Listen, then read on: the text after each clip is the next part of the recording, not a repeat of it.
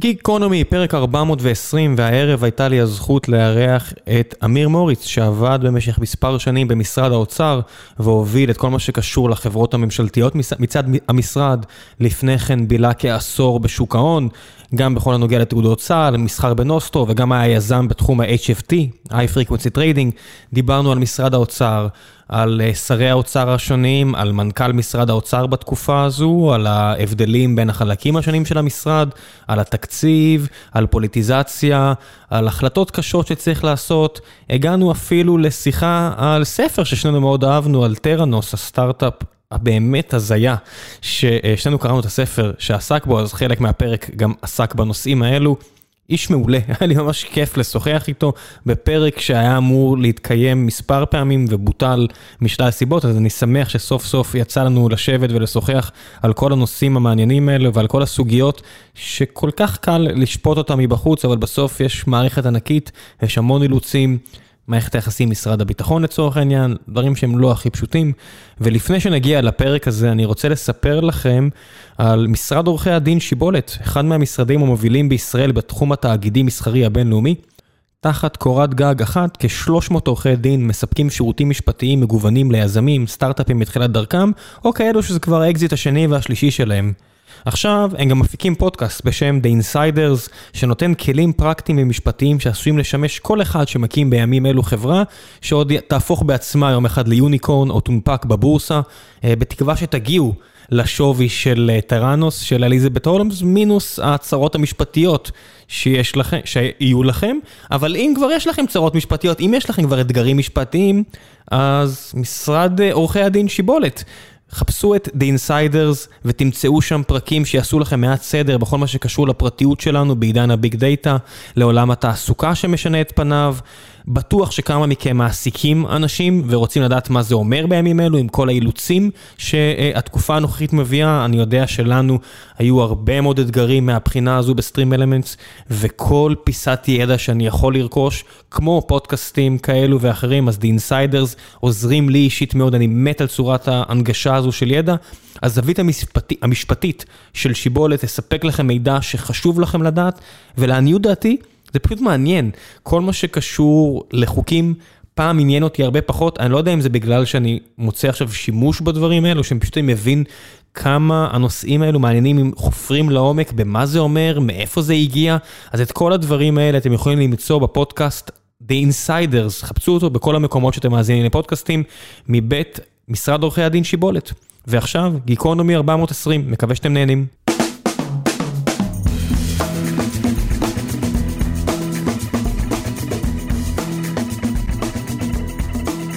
גיקונומי פרק 420, והערב יש לי את הזכות לשבת עם אמיר מוריץ, ממשרד האוצר, מה העניינים? לא, מה שלומך? בסדר, הפרק הזה... לשעבר משרד האוצר. לשעבר משרד האוצר, הפרק הזה היה אמור להיות in the making כבר הרבה מאוד זמן, אבל הלשעבר קצת... אה, תורם, תורם. תורם, ו...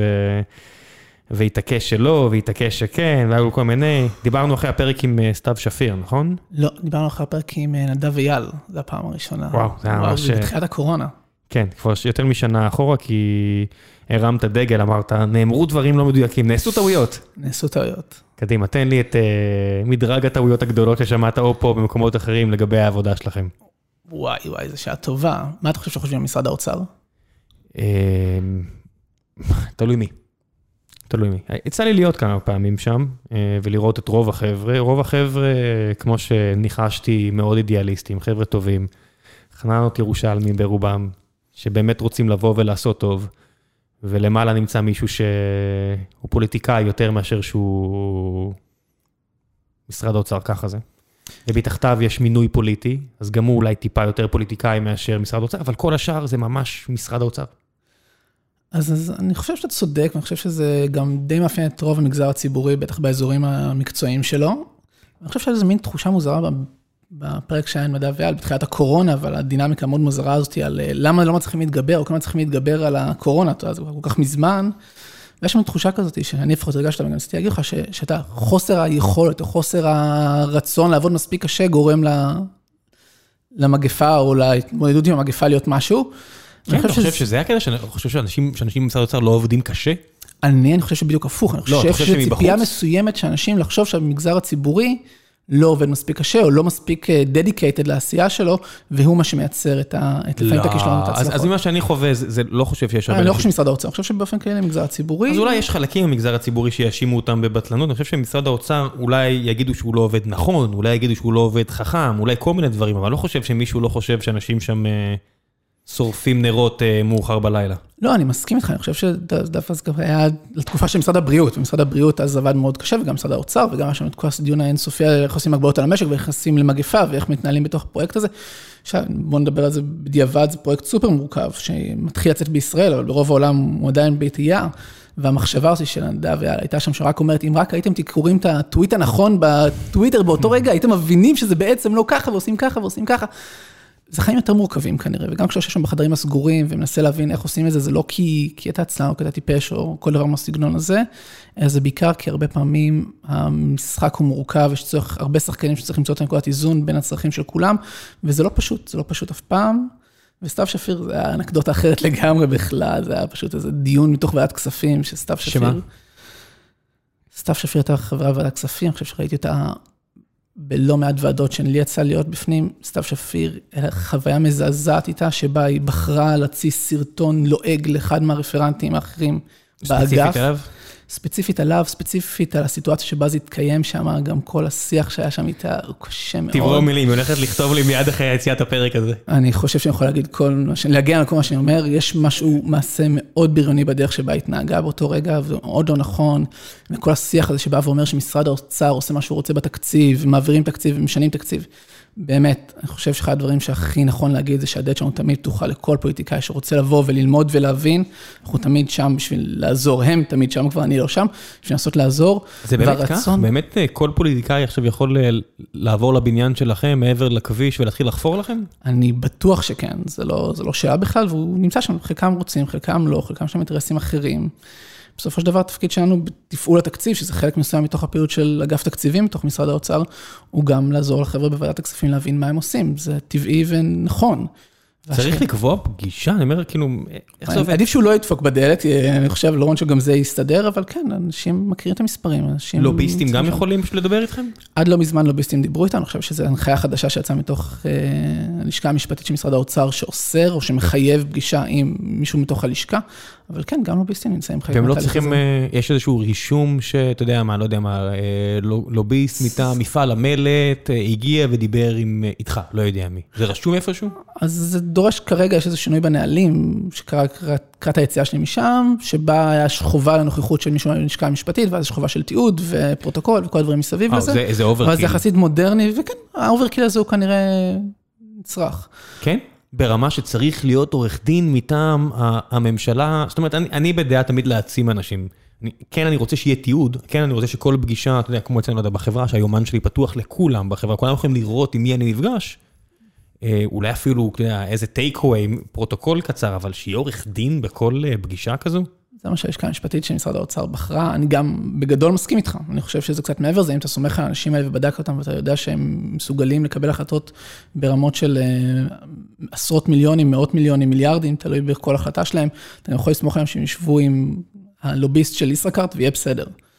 אבל זה כנראה ה overkill ששירות המדינה לא יודע לייצר את האיזונים הנכונים בתוך תהליכים כאלה.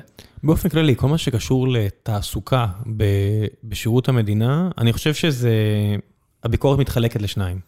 יש אנשים שיושבים במקום הפריבילגי שלי, ואני אגיד לך, אני אומר פריבילגיה במובן של החוקים במדינת ישראל מאוד בעדי מהרבה בחינות. בניגוד להרבה מדינות אחרות, אני יכול להעסיק ולפטר אנשים ממש בחופשיות. יש לי את חובת השימוע, שזה טוב שיש, ויש לי את כל הכללים כדי שאני לא אתעמר בעובדים, אבל בסופו של דבר עובד או עובדת שאני לא מרוצה ממנה או ממנו, אני יכול ממש בקלות להחליף אותו.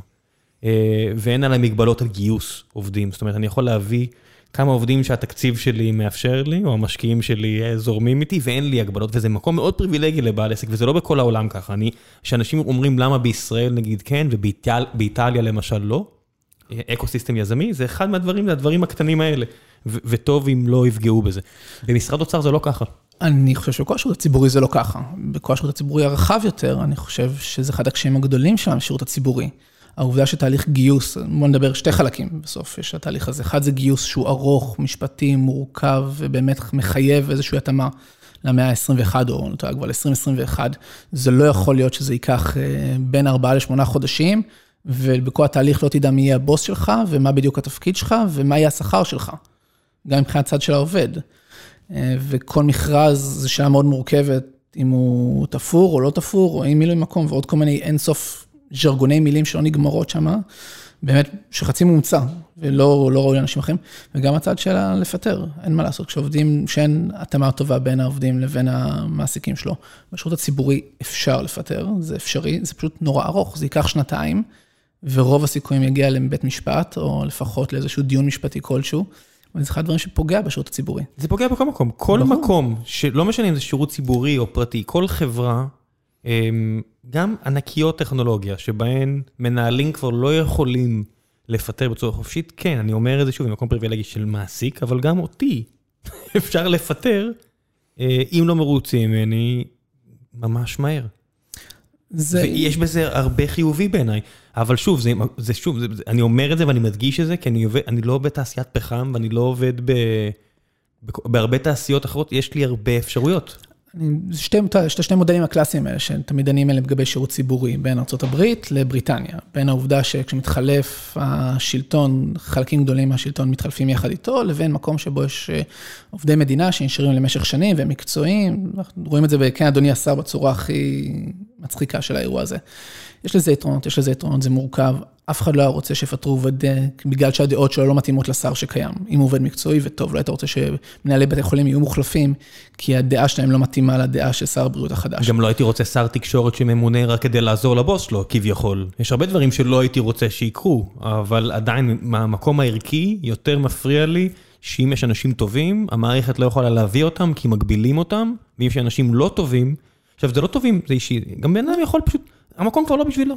כן, לא בשבילה, הוא כבר נרקב שם, זה קורה, זה קורה, יכול לקרות לכולנו, לכולנו, ולפעמים עדיף להיפרד. ו, וזה שמערימים קשיים על מעסיקים בארץ מהבחינה הזו, זה, זה, זה נחמד מבחינתי לשכבות חלשות, ומקומות יותר חשובים וקריטיים, זה ממש נורא בעיניי. אז ברגע שאתה אקריא את עצמי, אני אקח לעצמי את זה שקידמתי איזשהו מהלך שבו קוראים לזה פיטורים בהסכמה. זה מין תהליך שבו במקום לחכות לתוך הליך הזה של השנתיים, שבו עד שהעובד מסכים, לא מסכים, מקורות רעות ומאוד מאוד מייגע, להגיע באמת, לשבת איתו, להגיד, לא טוב, אנחנו לא מרוצים, אולי עדיף גם לך וגם לנו שנלך, תקבל איזשהו פיצויי פיטורים מוגדלים בשביל זה שלא נקצר את התהליך, ומסיימים את זה, ולך הביתה, וסיים בתוך כן. הסכמה שלמה. וזה סופר משמעותי, אני מקווה מאוד שישתמשו בזה יותר, אין לי מה להגיד, אבל זה כבר שעה שהמנהלים, מנהלים בתוך המשרדים. איך עושים החלטות של מיליארדי שקלים? אה, לאט ובעדינות, ומתוך מחשבה, והרבה פעמים מתוך משיכת, אה, משיכות חבל בין פוליטיקאים לבין דרג מקצועי לבין דברים מסביב לזה. כמו כל, אתה יודע, מפעל נקניקים כאלה, זה אף פעם לא נראה טוב או, טוב, טוב או נחמד באופן כללי. אבל אני חושב שהתהליך הוא בסך הכל רוב הפעמים מגיע לתוצאה טובה, הוא פשוט מתחיל במין משיכת חבל מאוד מאוד אגרסיבית בין כל השחקנים. הבעיה שלי היא תמיד עם אה, הקצאת משאבים בכמויות האלו, כמויות של כסף, כלומר, או סכומי כסף, אם נפסיק להיות עילג לשנייה, אה, זה שבסופו של דבר אתה מקצה את הסכום, אתה לא יודע מה קורה איתו. ואתה יכול לבוא ממקום ממש טוב, זאת אומרת, רק אתמול קראתי אה, תחקיר, משהו בפזורה הבדואית, ועכשיו אתה אומר, לעזור לאוכלוסייה כל כך מתקשה כמו הבדואית, מטרה מדהימה. אבל אז אתה קורא שהקצו, לא יודע מה, חצי מכל התקציבים של הסעות תלמידים זה על הפזורה, אני מקווה שאני לא מתבלבל בתחקיר שקראתי רק אתמול, זה היה שעה מאוחרת מדי, ואז אתה רואה שאיזה 180 מיליון מתחלקים ואתה קולט מהתחקיר הלא לא יותר מדי עמוק של, אתה אומר, וואו, זה פשוט שחיתות בוטה. ויושב בן אדם במשרד האוצר שיכול להקצות את ה-200 מיליון שקלים האלה בקירוב ולהגיד, אני עושה טוב, אבל הוא עוזר למשהו רע מאוד לקרות. אז אני אספר לך סיפור, אני הייתי אחראי באיזשהו מקום, באיזשהו שלב, על עניין של אה, רשות המיסים. ברשות המיסים יש אה, עסק מאוד מורכב של אה, חשבונות פיקטיביות.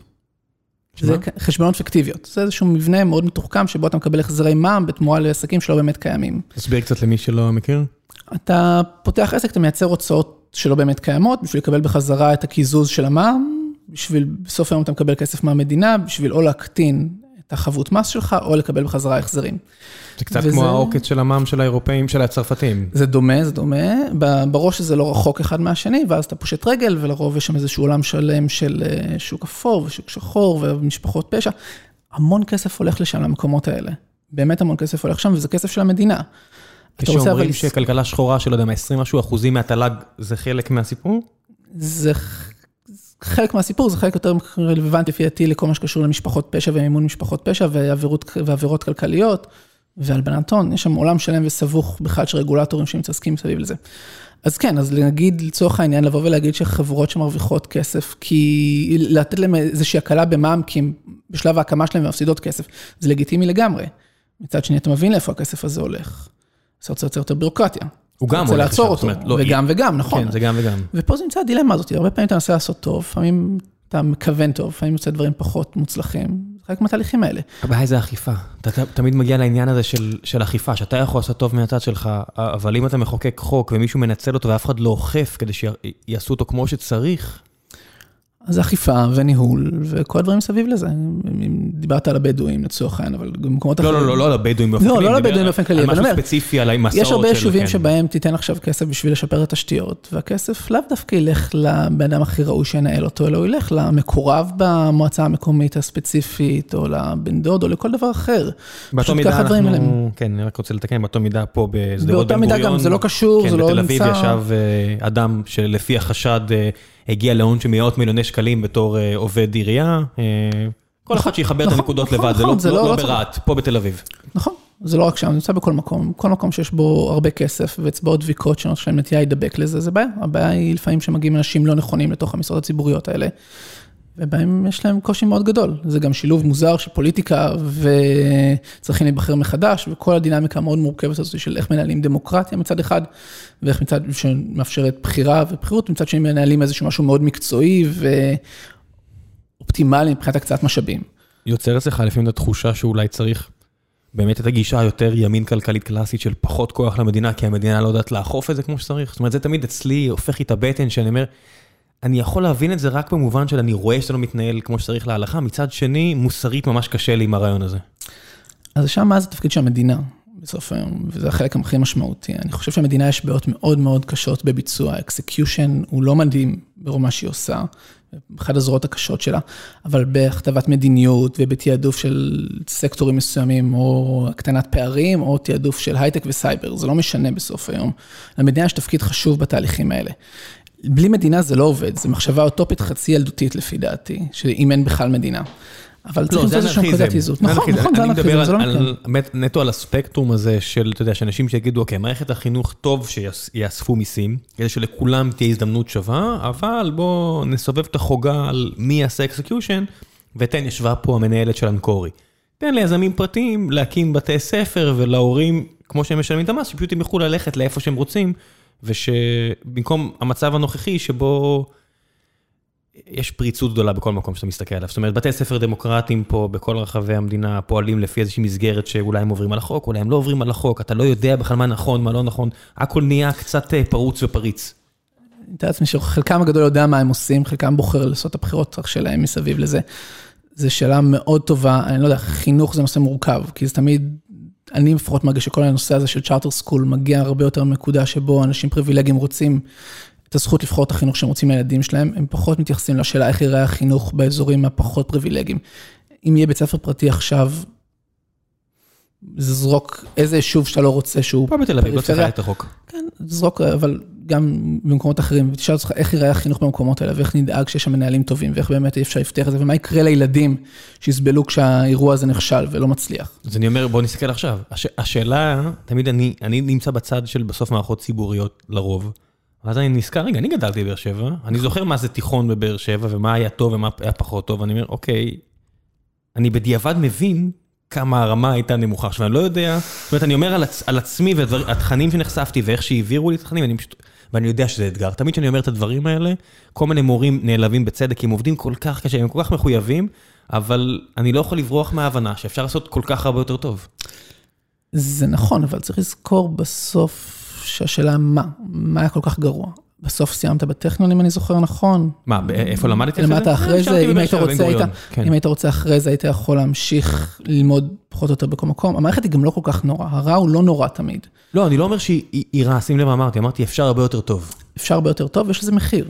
השאלה אם המחיר זה נכון, המחיר של לייצר את זה שזה יהיה הרבה יותר טוב, זה שהסיטואציה שקיימת כלפי הנחשלות, היא תהיה הרבה יותר נמוכה, הפערים יגדלו. זה נכון, זה לא נכון, זו שאלה באמת מוסרית ערכית שהיא שאלה פוליטית הרבה יותר. כן. גם אם אתה מחליט לעשות צ'ארטר סקול, גם אם אתה מחליט לעשות הפרטה של חלק מהתהליכים האלה, צריך להבין מה המחירים, וצריך לנסות לאזן אותם. אם תעשה את הת- את התקצוב לא דיפרנ... בצורה דיפרנציאלית, שבה תיתן יותר כסף לילדים ממשפחות אה, חלשות, אם תעשה לראות? שנייה אחת, למשל, אפשר לעשות את זה, אבל צריך לבוא אליו מתוך מתוך נקודת מבט שבאה ואומרת, אני מבין את המורכבות, אני מבין מה זה אומר אם אני עושה את זה בצורה לא טובה. רגולציה ובירוקרטיה, בגדול עדיף לעשות טוב. למרות שאז יש מלא פה באמת נכון. אה, מיסוי, אה, זאת אומרת, דיפרנציאלי פעמיים, הרי המס הכנסה בארץ הוא מאוד דיפרנציאלי, שרוב הנטל נופל פה על איזה 10-15 אחוז, עובדתית, רוב הכסף נובע מ-10-15 אחוז מהאוכלוסייה, ואז אתה אומר, גם, ביצ... גם בשימוש של הכסף, רוב הכסף שייצא, יצא יותר על ילדים של אנשים אחרים. מצד שני, תאפשר כן. מוביליות חברתית ותוכל לאפשר שוויון. הזדמנויות לילדים, זה, זה המחיר. כן, זה הדבר שנגיד, אני מניח שהרוב המוחלט, המוחלט, המוחלט של האנשים, לא שמעתי מישהו שיכול יחלוק על זה, הרצון לשוויון להזדמנויות. שוויון הזדמנויות זה, זה נכון, זה אחד המושגים הכי חזקים בסוף היום. שוויון כן. בתוצאות זה מאוד בעייתי, שוויון קשה תוצאות לייצר אותו, זה קומוניזם. בתוצאות, נכון. בוא, בוא, שוויון, שוויון התוצאות זה קומוניזם, ומי שלא, שצועק את זה ולא מבין שזה מה שהוא צועק זה בסדר. שוויון הזדמנויות זה מסוג הדברים האלה שגם ימין כלכלי פנאטי אומר כן זה נשמע לי טוב. בשביל חשוב שוויון. הזדמנויות צריך בסוף לעשות מיסוי, צריך לעשות מיסוי רגרסיבי, בעצם פרוגרסיבי או רגרסיבי, תלוי באיזה תסתכל באיזה נקודה, וזה חשוב, של דבר, אם זה ערך שאנחנו מאמינים בו, אם מדינה היא לא רק מקום שבו אתה מקבל שירותים מהמדינה, יש שם איזושהי משמעות מסוימת לסוציאליזם, מבחינה שיש לנו איזושהי שותפות גורל ביחד, אחד עם השני.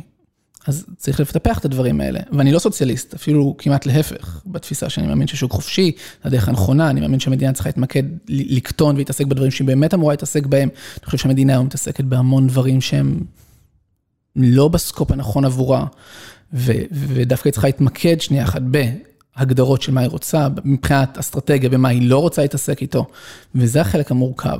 בסוף אה, אחד הכלים הכי חזקים, ואני חוזר ואומר את זה ואין לי בעיה להמשיך להגיד את זה, זה ה-ROI, return on investment. כל עוד אתה לא יודע באמת מה נותן השקל הבא, העובדה שלוקחים עוד כסף, זה תמיד אה, מועד לפורענות. זאת אומרת, עכשיו אנשים יגידו, תסתכלו מה קורה, בואו נתקצב יותר את המשטרה. אוקיי, אולי אפשר לעשות יותר עם התקציב הנוכחי. זה שעה נפלאה, אני חושב שאתה נוגע באחת הנקודות הכי משמעותיות, ובהם, והיא שיפון של העובדים במדינה. העובדה שבסוף היום תוציא מכל מורה יותר, ולאו כן. דווקא יתעסק בשאלה כמה תלמידים יש בכיתה. אז לא נשתמש במילה הזו, כי המילה הזאת, תמיד יש לי בעיה איתה. זאת אומרת? העניין של פריון, של, הרי מה זה פריון? כמה כסף החברה המסחרית עשתה לחלק מספר העובדים, ו... פריון גם, אתה יודע, לא יודע מה, סטארט-אפ, אצלנו נגיד, התחלנו להכניס כסף בשנה הרביעית לחברה, אז מה, בשלוש שנים הראשונות הפריון פה היה נמוך? לא. אה, צריך, אה, במערכת החינוך, שזה לא למטרות אה, הכנסה, אז צריך גם לראות על מה אתה מודד הרי, בסופו של דבר, ולהשתעבד למבחני תוצאה כאלה ואחרים, הפיזות למיניהם, גם נראה לי כמו מתכון בטוח לצרות. אין ספק שהשאלה, קודם כל, מה אתה רוצה לעשות, ואחרי זה איך אתה מודד את זה. איך עושים את זה למשל במשרד האוצר? משרד האוצר, יש הרבה מאוד שאלות בקשר לאיך מה עושים עם השקל השולי. חלק גדול מהתקציב הוא תקציב קבוע, הוא הולך לשכר, הוא הולך לשכירות, הוא הולך לרכישות שהן קבועות ומבניות, ויש תמיד את השאלה של מה קורה עם התוספת בין השנים בתקציב. אתה מבין שאפילו זה. בעייתי, כן? כי אתה אומר, בעצם הנחת המוצא של מה שאמרת זה, אוקיי, כל ההוצאות הקודמות זה בסדר. כי זה, כאילו, החישוב תקציב, כשאתה מסתכל על ספר התקציב, זה, זה פשוט מפלצת. ואז אתה אומר, אוקיי, בואו רק נסתכל על הדלתות. ואני אומר, אבל זה, אז זה כאילו אומר שמה שהיה הוא שיהיה תמיד.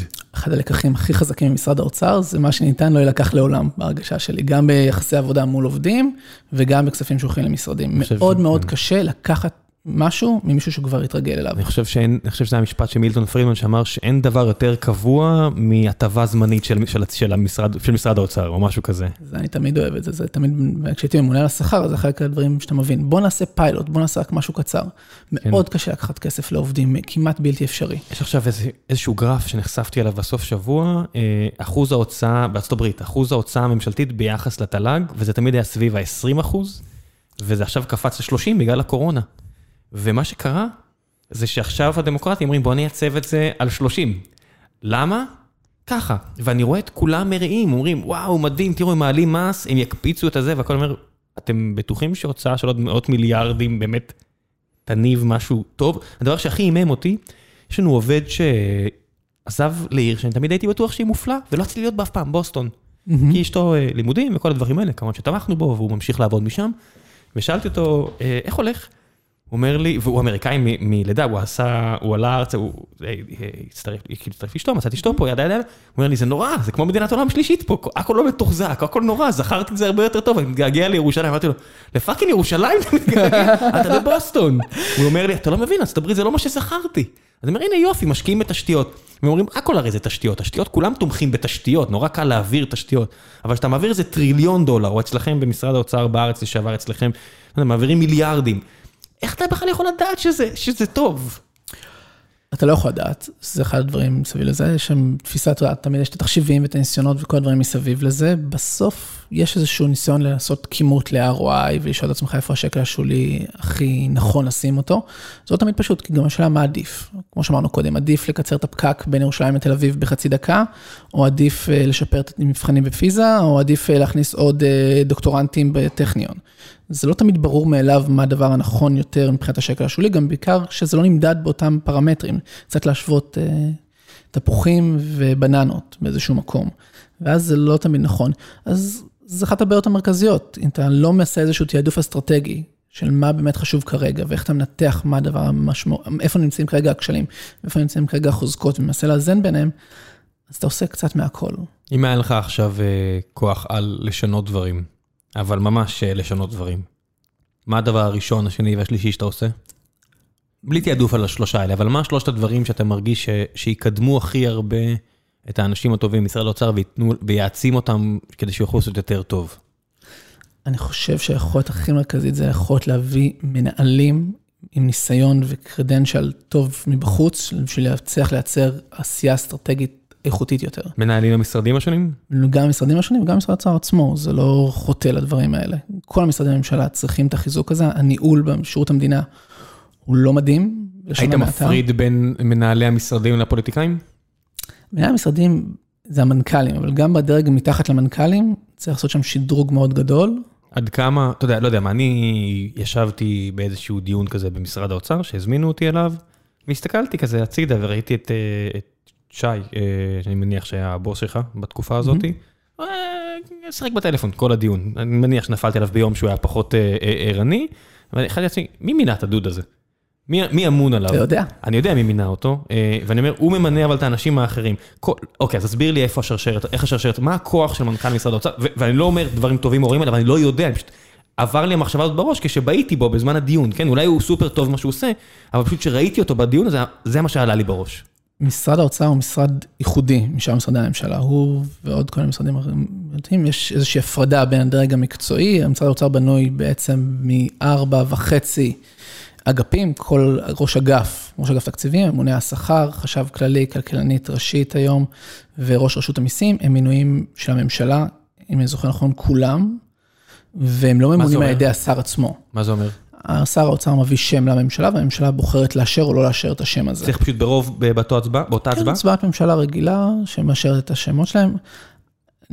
זה הדרך שבה הם ממונים, וגם מי שיכול לפטר אותם באותה מידה, הם לא משרת אמון, הם לא מישהו שהשר עצמו בוחר. מנכ"ל לעומת זאתי הוא בחירה אישית של השר, והוא גם יכול לפטר ולהעזיב אותו ברמה האישית שלו. עד כמה הוא משפיע?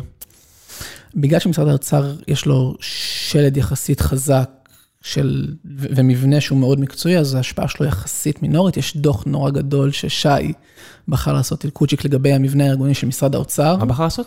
לבנות, השאלה שהמבנה הארגוני הזה, כמה יש כפיפות או אי כפיפות או מלחמות בתוך משרד האוצר בין האגפים השונים, ואיך יהיה נכון לבנות את המבנה הארגוני, יש דוח שהתפרסם של אה, קוצ'יק, ששואל את השאלה הזאת. בגדול, למנכ"ל משרד האוצר, יש פחות השפעה לגבי כל הדברים המקצועיים בתוך המשרד, אבל הוא פונקציה משמעותית, הוא פונקציה שמקדמת, שמחברת בין הדרגים המקצועיים לבין מה זה אומר? השר. מצטער על השאלות של המטומטם, כן? מה זה אומר בפועל? מה, מה, מה הוא עושה? יש, זה, זה מסובך קצת, אז אנחנו ננסה לפרק את זה. בסוף היום, יש את כל הדברים הבסיסיים של המשרד עצמו, של כל מיני שאלות של כוח אדם, וחנייה, ומבנים, ו, ו, ו, ו, ו, זה פחות מעניין, שהוא אחראי עליהם.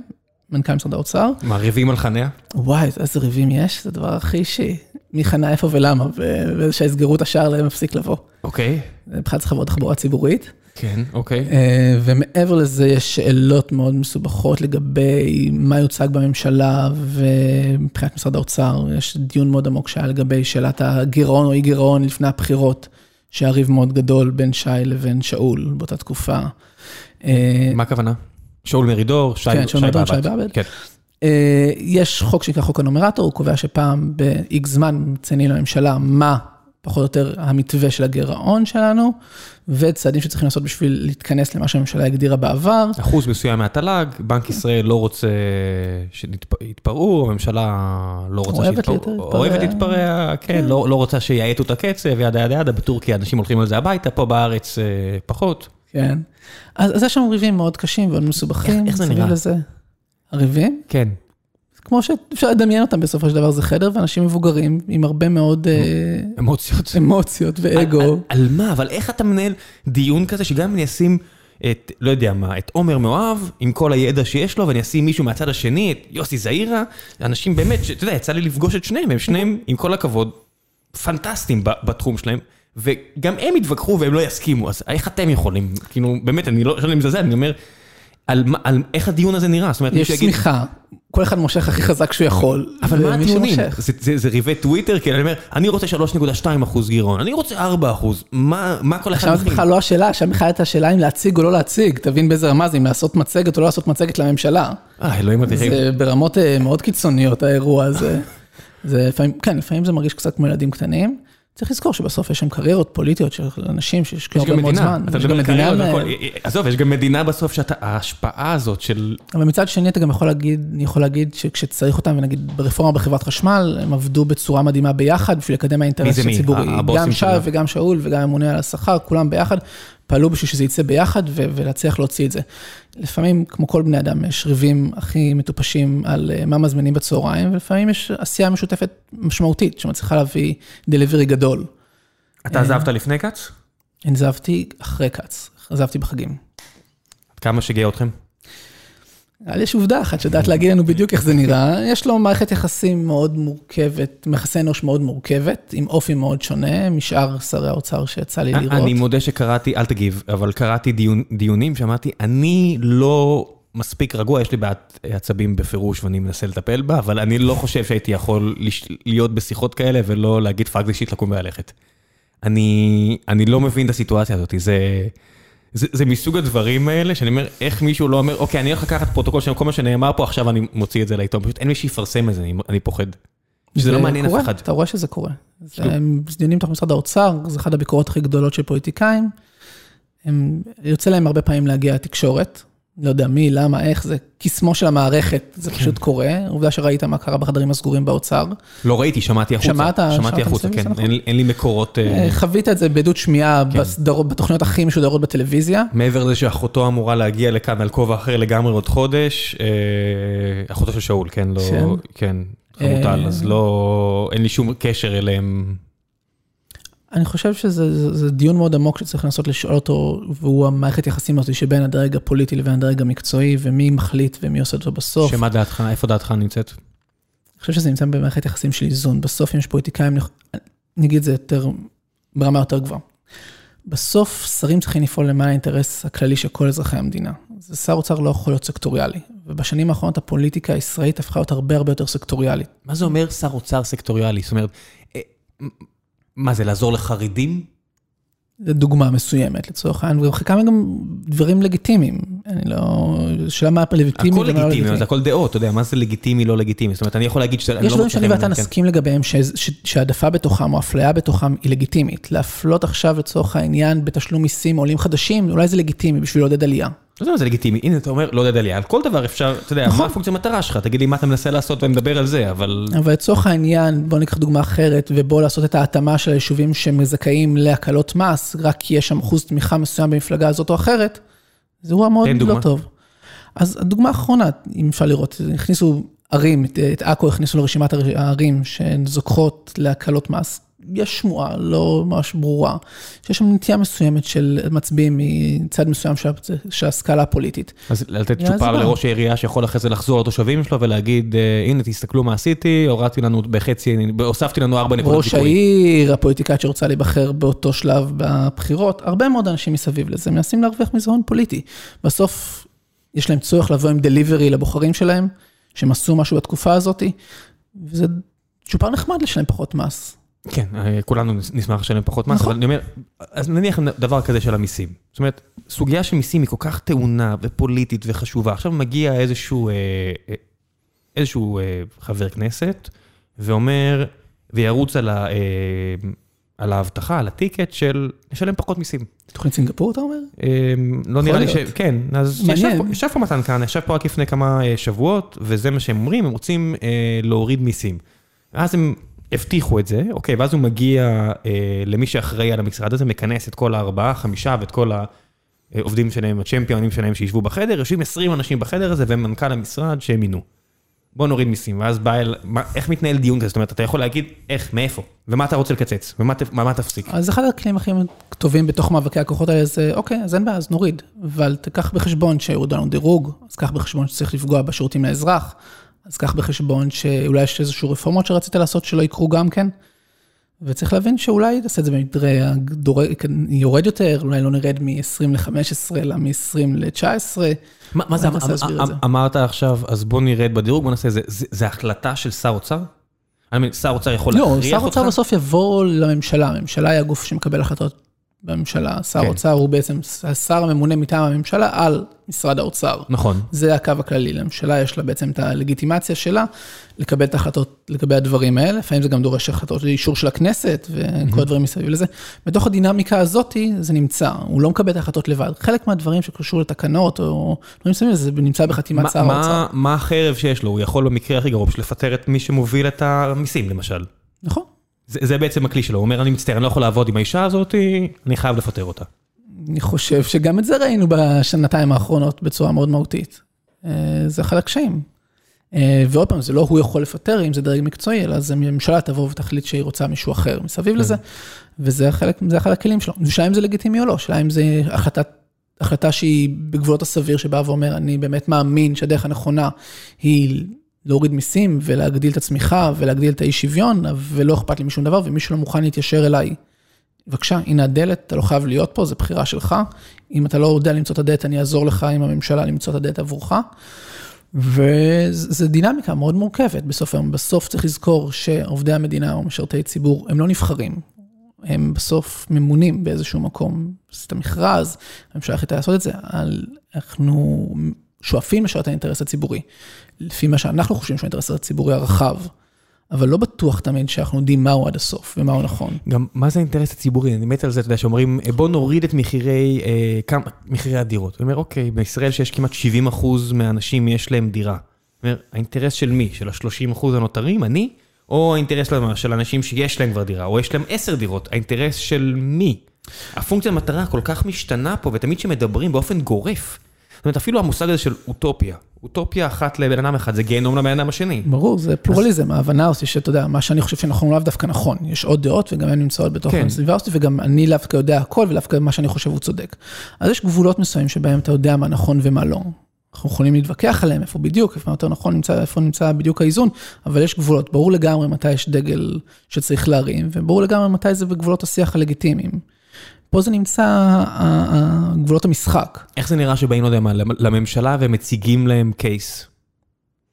אז חלק מהפעמים זה באמת נמצא אפילו לפני זה, לי לא יצא את הכבוד הזה להשיג לממשלה, הרבה פעמים לוועדות שרים, להגיד זאת העמדה של משרד האוצר, אנחנו חושבים שזה יעלה ככה וככה, יפגע ככה וככה, יעשה עוד רגולציה, יעשה הרבה מאוד דברים סביב לזה. כי אתה עוזר בעצם לבוסים שלך לעשות את זה בעצם. בחלק מהפעמים הם עושים את זה, בתוך תהליך של תקציב, אבל זה מה שחשוב, השיח הוא לא, הוא לא מדהים, אני חייב להגיד את זה. זה לא איזה דיון סופר מקצועי הרבה פעמים, אלא הרבה פעמים שאלות שגם לא מעניינות כל כך את הפוליטיקאים, אני חייב להגיד. השאלה אם עכשיו, בוא נזרק נושא מהאוויר, אה, האם הפיצויים לכל עובד בחברת חשמל יהיו 2.2 מיליון שקל או 2.4 מיליון שקל, והרווח המשקי ממעבר לחברת ניהול המערכת במקום חברת ייצור, זה מאוד טכני הרבה פעמים. בסוף שפורטים את זה. אבל זה חשוב. זה נורא חשוב. זה ממש חשוב. אבל הפוליטיקאים, מה שדיברנו בהתחלה על, על סתיו, זה דורש העמקה. אז למה לא, זה, זה כמו שיעשה גם מהשיחה עם סתיו, אז למה לא להנגיש את זה? זאת אומרת, שלח לי איזה מאזין אה, ניתוח על הציוצים של ראש הממשלה, והוא שלח לי דוח, כי הוא data scientist או data analyst, ואני עכשיו חושב אני צריך לגייס את הבן אדם הזה, כי הדוח ששלח לי באיזה מחברת Jupyter כזו, אה, פשוט היה פנטסטי, פשוט אנליזה עמוקה עם עם דוגמאות, למה? כי ה-API של טוויטר מאוד נחמד. אני אומר, אם תנגיש את כל הדברים האלה, תן לעוד מה, לפורום קהלת מצד אחד, לבר כצנלסון מצד שני, או לא יודע למי באמת, אני מניח שזה חבר'ה כאלה, או המכון הדמוקרטי, שיש בו אנשים כמו קרנית פלוג וכל מיני כאלה, שהם יעשו את זה. למה, שה, למה שהציבור לא יעזור בניתוח של המידע ובערעור השיח הציבורי? קודם כל יש פרויקטים כאלה, ויש כזה תקציב ברשת, ויש ניסיון לעשות כל מיני דברים מסביב לזה, זה לא שזה לא קיים. חלק מהפעמים, אני חושב שאמרתי, זה צריך לעשות איזושהי התאמה ב-DNA של השירות הציבורי והערך, והדרך שבה מקבלים החלטות בשביל לבצע את השינוי הזה. אני חושב שחלק גדול מהמערכת נמצא מבחינה קונספטואלית בין שנות ה-80 לשנות ה-90. לא רק במערכת הפעלה של אה, שם באיזה קובול היסטורי, אלא באופן כללי בתוך ה-DNA הזה צריך להשתנות ולהתאים ולהבין שצריך לייצר יותר שקיפות וניהול יותר נכון וניהול יותר מודרני של התהליכים. ואנחנו צריכים לדרוש את זה בתור אזרחים. כן, בסוף ה... המיליארד שקל שתשקיע שם, סכום פנטסטי של מיליארד שקל, עכשיו כאילו כמה, כמה מעלימים מיליארדים של שקלים כשזה לא קורה. בדיוק. זה קשה, אין לי מה להגיד, ואני אומר, הוא באמת נמצא שם, שם זה החברת, אגף מחשוב של שירות המדינה, והוא עובד בקובול, והוא נראה נורא, ולא משנה כמה תתאמץ, זה לא יצליח להוציא את זה מה, מהבור שזה נמצא בתוכו. כי יש שם עובדים וועדים והרבה דברים מסביב לזה. fire. מה? burn with fire. אתה יודע, זה כמו שאני מסתכל על מערכות לגאסי כאלה, ואני אומר, burn with fire, אתה לא, לא תציל את זה פה. ו... זה, זה מזכיר את ה... אתה יודע, עבדת בבנק פעם, זאת הדילמה האינסופית. תשים שם מיליון, שתיים, כמה שתרצה, תצליח להוציא מוצר יותר טוב, בזמן שתצטרך לעדכן גרסאות ועד שיהיה לך גרסה יציבה. אתה תרצה שיהיה לך בעיות בגביית מיסים במשך כמה שנים? לא, יש דרכים לעשות את זה, זה בסדר. לא, זה מסובך. אנחנו חיים בעולם מודרני שבו אתה נכון. פשוט מרים עוד מערכת בצד ומטפטף את העבורה קצת קצת. לאט לאט, כן. אתה עושה עוד עטיפות, אתה עושה עוד API'ים, אתה צריך לדרוש שיח מאוד מורכב. עם כל הכבוד, חלפו הימים שהמערכות הכי מסובכות בעולם זה מערכות ציבוריות. אה, לא, לא, אין לי ספק. זה כבר לא כך. אבל צריך מצד אחד עכשיו לשדרג את כל הכוח האדם שלך, למערכת החדשה שתבנה, יש לך איזה 300 ומשהו עובדים שאתה... יש כרגע 300 ומשהו עובדים, אני לא... יש 300 ומשהו עובדים שעובדים כרגע, צריך לראות מה עושים איתם, זה מהלך כן, גדול. יש סיבה שעבד בלאומי, לא יודע, לפי פרסומים זרים, לא היה, לא היה, לא היה מחבריי הטובים ביותר ולא אהב אותי, לפי פרסומים זרים, זה מה שאמרו עליי, לא יודע מה, או מי זוכר, מישהו זוכר אותי בכלל אחרי כל כך הרבה שנים, אבל מבחינתי הפתרון שלי היה שיעשו מה שהם רוצים, אני אביא עשרה אנשים שיעשו את העבודה שלהם, והם יכולים מבחינתי לשבת ולבהות בי, לא אכפת לי. אני אני, זה גישה מסוימת בבנק. תמשיכו, תמשיכו לשלם להם, אין לי בעיה, זה בנק- לא בעיה שלי. זה גרסה מסוימת בבנק, זה יכול לעבוד, אבל כשזה לא, נמצא זה לא בשירות גם מדינה, שם. זה לא, נכון. לפי פרסומים זרים, ה-CIO של לאומי, בזמן שאני הייתי שם עבר לצ'ק פוינט, אה, כי הוא היה בחילוקי דעות עם הוועד. אה, לא יודע, אני לא, אולי אני סתם מפליל, לא מעליל, אבל עובדתית, דן ירושלמי עכשיו בצ'ק פוינט. אה, לא, זה, מורכב, וזו שאלה מאוד מורכבת לנסות מה קורה כשיש לך מין ועדי שלטר כאלה, כמו שזה הז'רגון החדש שאני נהנה לאהוב איתם, שיש להם יכולת, כוח בלתי פרופורציונלי. ומה אתה עושה איתם? הם לא רוצים לעבור למערכת חדשה, כמו שהחבר'ה של לאומי לא רצו, וזה גם מובן מאליו למה הם לא רוצים. ושאלה איך, איך מצליחים לחבר בין כל החלקים האלה של הפאזל, בשביל להביא את השינויים האלה קדימה. זה- בשביל זה- לייצר שירות יותר טוב לאזרחים. אתה אומר, זה מובן מאליו שהם לא רוצים, זה רק בגלל שאין את היכולת לשחרר אנשים. אם יהיה, בעולם שיש יכולת לשחרר אנשים, אנשים בוחרים מקום עבודה איפה שיש טכנולוגיה מתקדמת יותר ולא עתיקה יותר. נכון, אבל ג'וב. סקיורטי זה, זה, זה פריבילגיה רק אם אי אפשר לפטר אותך. אם אפשר לפטר אותך, אתה ממש רוצה לרכוש השכלה בזמן העבודה, כדי שאם תפוטר לא תצטרך ללמוד עכשיו בבית ככה חודש, חודשיים. זה מנגנוני תמרוץ מאוד שונים בין השירות הציבורי לשירות בחוץ, ודורש התאמה, דורש יכולת לנסות להבין את זה. בשביל שאתה תוכל להתייחס שנייה אחת לערך המוסף שנותן לעובד שלך, אתה גם צריך להשקיע בו. צריך להבין שתפקיד שלך לטפח אותו. כן. ולא רק לנסות לחלוב ממנו את מה שיש בתוכו לתת, והדיון הוא יהיה הרבה יותר אחרת. אתה פסימי אחרי שהיית שם? אני חושב שהמערכת נעה לכיוון טוב יותר, אבל לאט מדי. היא בטוח נעה לכיוון טוב יותר, יש כל כך הרבה דברים, אפילו, לא יודע, בדואר עכשיו אני צריך לשלוח שיטלוד של חבילות, ועצם העובדה שאני נכנס ל... זה עדיין משרד ממשלתי, כן? עצם העובדה שאני נכנס חברה ממשלתית. סליחה, נכון, אתה, מי-. כמוך יודע, אבל אה, כשאני נכנס לאפליקציה ומזמן תור, ואין יותר תור, אין יותר תור. לא יודע, יש לי פה, פה בחשמונאים סניף דואר, ואין יותר תור, וכולם רגועים, ופתאום השירות שאתה מקבל הוא הרבה יותר טוב, כי אין להם את הטירוף הזה של 400 אנשים בחמש דקות שמנסים, ואז אחרי זה יום שלם אין כלום. ואני נזכר בכתבה שהייתה בוויינט על זה שהמערכת לא בסדר, כי היא לא התייחס- התייחסה למה עושים עכשיו עם אוכלוסיות קשישות, ומה עושים עם נכים, ומה הם עושים שאין להם גישה לאינטרנט, וזה דילמה, וזה לא אה, מובן מאליו. נכון. וזאת השאלה שאנחנו מתמודדים עם זה, כי, רוב השירותים הציבוריים צריכים להיות נגישים לכולם. אמ, נכון, זו, זו אחד הדברים, זאת אומרת, נורא קל, הייתי ב... ב אוקיי, אני אלך על זה ככה. תפקידים למעלה לא מתאימים לכולם. והעובדה למשל, כשאתה גנרל, ואתה שולח אנשים לקרב, אתה יודע שלא כולם יחזרו הביתה? לפי פרסומים זרים, הייתי בשיחה עם מי שהיה רמטכ"ל אחרי זה, ומועמד שלוש פעמים ל... לראשות הממשלה, והוא אמר את המשפט הזה, לא כולכם תחזרו הביתה, שבאמת זה משפט מפגר להגיד ללוחמים, אבל בסדר. אה, אבל זה משפט שלו שהוא בחר להגיד, והוא לוקח את המחיר הנפשי לעשות את זה. אז גם סל תרופות, וגם שאתה צריך, אתה עושה מצב שכן, יהיו אנשים שלא יהיה להם טוב, כי אתה מנהל מדינה, אתה לא... כן, וזה קשה, וזה קשה מאוד, קשה. כי מי שנפגע הרבה הרבה יותר רועש הרבה פעמים, מאשר האנשים שנהנים מזה. כי כשאתה נהנה מהדואר, זה לא מגיע לכותרת הראשית. הנה, 50 אלף אנשים עכשיו, הוא לא יודע כמה אנשים ישמעו את זה עכשיו, סופר נהנה. כיף, כיף גדול השדרוג הזה. אנחנו צריך לפרגן למנכ"ל הדואר על זה שהוא לקח את ההחלטה הזאת, ושלתמוך בו ולהגיד לו, תמשיך, זה בסדר, זה בסדר מבחינתך. כן, אני, אני מודה שכשהגעתי לשם יום שישי, והסתכלתי, אמרתי, אבל אני לא יכול עכשיו לתת, אין, אין כפתור, אמרתי, what the fuck, והיא אמרה לי, היי, אדוני, מצטער, לך תזמין מקום ליום ראשון. אמרתי, אוקיי, זה מבאס, ואז אתה יודע, יש הפיוז עולה, ואני אומר, אני לא אעשה סצנה, כי אני לא דביל. הלכתי והגעתי היום בשמונה בבוקר, והשירות היה מדהים. אמרתי, איזה כיף. אני בדיוק באותה חוויה כמוך, בסניף שלי במעוז אביב, אבל זה אותה דבר בדיוק. ונכון, ואז אתה אומר, זה נורא נחמד, ואז אתה גם מצליח להבין שיש פחות עובדים ויש פחות תור, אתה מקבל שירות יותר טוב, אבל בפעם הראשונה, כשמשנה הסטטוס קוו, יש לנו נטייה אנושית, לא להרגיש בנוח עם זה. וזה דחף אנושי שאנחנו צריכים לקבל אותו, בשביל שהמערכת תהיה טובה יותר, גם מערכות ציבוריות, אנחנו צריכים להיות סוג של גמישות מסוימת, להבין שיש אנשים טובים, ולסמוך עליהם שרוצים לעשות טוב. וגם אם אתה לא תמיד מבין עד הסוף למה באותו רגע הוא החליט לעשות את זה, לא כי הוא דביל כנראה. כנראה שאנשים שם הם כן. לא טיפשים, אלא יש להם רצון טוב. אתה יכול להגיד, לא יודע מה, אה, בתעודת זהות, אם אתה מעל גיל 70, סטטיסטית, פשוט יש לך פחות אוריינות טכנולוגית, בוא, אתה יכול לקבל שירות גם בלי. יכול להיות, יכול להיות שצריכים למצוא נקודת אמצע טובה, כן. יכול להיות שזה נכון למצוא את הדברים האלה, אבל זה דורש אמון שלנו בתוך האזרחים, להבין שהמערכת לא פועלת מתוך טיפשות או רוע לב, אלא מתוך רצון אמיתי לשפר את השירות לאזרח הרבה פעמים. לפעמים כן. היא גם שוגה, שזה בסדר, כי אם היית עושה רק מה שבטוח, לא היה קורה כלום. בטח מי שנמצא באזורים כאלה של יזמות או עשייה, מבין את זה. רק מי שלא עושה, אה, לא טועה. וזה קשה, זה קשה הרבה פעמים בתוך התהליכים האלה. המשפט הזה שאני מת עליו, הוא פשוט נורא קל להשתמש בו, בדיוק עכשיו... אה, אני חופר את הספר הזה לכולם, על הביוגרפיה של בן גוריון, מדינה בכל מחיר, שפשוט התענגתי עליו, בזמן שקראתי ספר אחר על משהו ש... על טראנוס, זו חברה נוראית. וואי, אני אוהב את הסיפור הזה. סיפור סינדרלה הפוך, אבל מרגישה מכשפה, כן. תכף, תכף נדבר על טראנוס ועל האבנסים של בן גוריון, שהוא... בן גוריון היה מושחת כמו רוב הפוליטיקאים בעולם, כל אחד במידת שחיתות שלו, אז השחיתות של בן גוריון הייתה ספרים. הוא מאוד אהב ספרים, אה, ולא היה לו כסף לספרים, אז הוא לקח מקדמה של 20 משהו חודשים קדימה, וכשתפסו אותו, הוא אמר, מי שלא עושה לא טועה.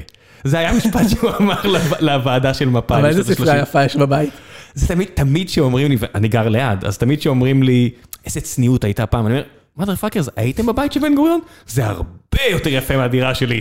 ויש שם, יש שם, אתה יודע, כזה משנהב שהוא קיבל מההוא מאפריקה, ויש שם אלף ספרים כדי שהוא ירגיש חכם, ומה אתם מדברים? יש שם סיפור מדהים על זה שהוא טס לעשות מדיטציה בבורמה, באמצע שהוא ראש ממשלה, פשוט אמר, אני הולך לעשות.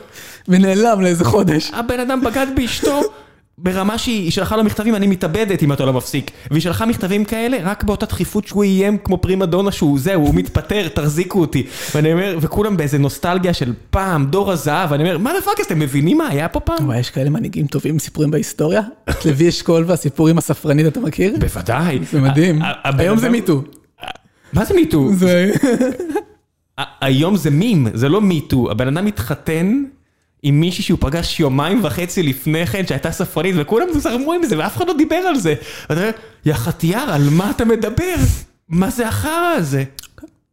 ועדיין אנחנו חושבים שחייבים עשו עבודה טובה בערך. כאילו, אם אתה מסכים איתם או לא מסכים איתם, כנראה שהיו פוליטיקאים טובים. היה הצליחו לדחוף את הדברים האלה, היה פונקציה מטרה ברורה והם הצליחו, זה ניצח ניצח ב-67, לוי אשכול ובן גוריון צריך להקים מדינה. בגלל זה אני אוהב את הביוגרפיה שלו, שהוא היה מאוד נעול, היה לו אפס חוש הומור, הוא בגד באשתו, הוא היה קצת מושחת, אבל היה לו פונקציית מטרה מאוד ברורה בשלב מסוים, כן. והוא הגשים אותה, וזה כל כך חסר היום, שאתה אומר, על מה אתה עושה אופטימיזציה, מה אתה מנסה לעשות? תגיד לי מה אתה מנסה לעשות. על כולם. כל אחד שאתה מדבר איתו, וכל פעם שאתה רואה שיש פונקציה מטרה ברורה, כמו בדואר. דברים קורים. נכון. דברים קורים. אה, זה תמיד הדיון, בהרגשה שהיא תמיד השאלה הכי מורכבת במדינה זה אסטרטגיה, וזה תמיד הדבר שלא תמיד ברור לי. ולא השאלה מה אתה עושה, מה אתה עושה, יש הרבה מה לעשות, יש הרבה דברים טובים לעשות, מה אתה בוחר לא לעשות. מה אתה אומר, זה פחות משמעותי ואני רוצה להתמקד בדברים הגדולים יותר. אני רוצה לייצר שוויון, אני רוצה לייצר אה, שוויון הזדמנויות או להקטין את הפערים בין אנשים, זה אומר שאני צריך לשלם את זה במחיר של צמיחה, אני צריך לשלם את זה במחירים של מיסים יותר גבוהים. יש לי בעיה עם המטרה הזאת, תמיד שאומרים, אני רוצה להוריד את האי שוויון, עד למה? אתה מבין, אפילו המטרה הזאת היא לא מוגדרת כראוי. אתה רוצה לעשות אי שוויון, תשים 100% מס, הנה, פתרת את הבעיה. לא, זה... הנה, השגת את המטרה. אני לא, גם תגדיר שההגדרה היא בסדר, גם תגיד, אני רוצה להוריד תוך 10 שנים ב-10%. אוקיי. בסדר? בוא נגיד שזה כן. יעד רלוונטי. צריך לשאול מה המחיר, ואתה מוכן לשלם את המחיר, ולא רק לשים את הכותרת הגדולה של אני רוצה. אתה מבין מה המחיר? אתה מוכן לקבל אותו? אתה מוכן כן. להגיד שהצמיחה תהיה חצי אחוז פחות כל שנה? אני לא בטוח שזה באמת המחיר. תקבל את ההחלטה, זה לא בסדר. הנה, עכשיו בארצות הברית שמעלים את האחוז למי שמעל מיליון דולר, רווח הון, אני חושב שכבר ביטלו את זה מאז, לא יודע, מ-20 לכמעט 40 אחוז.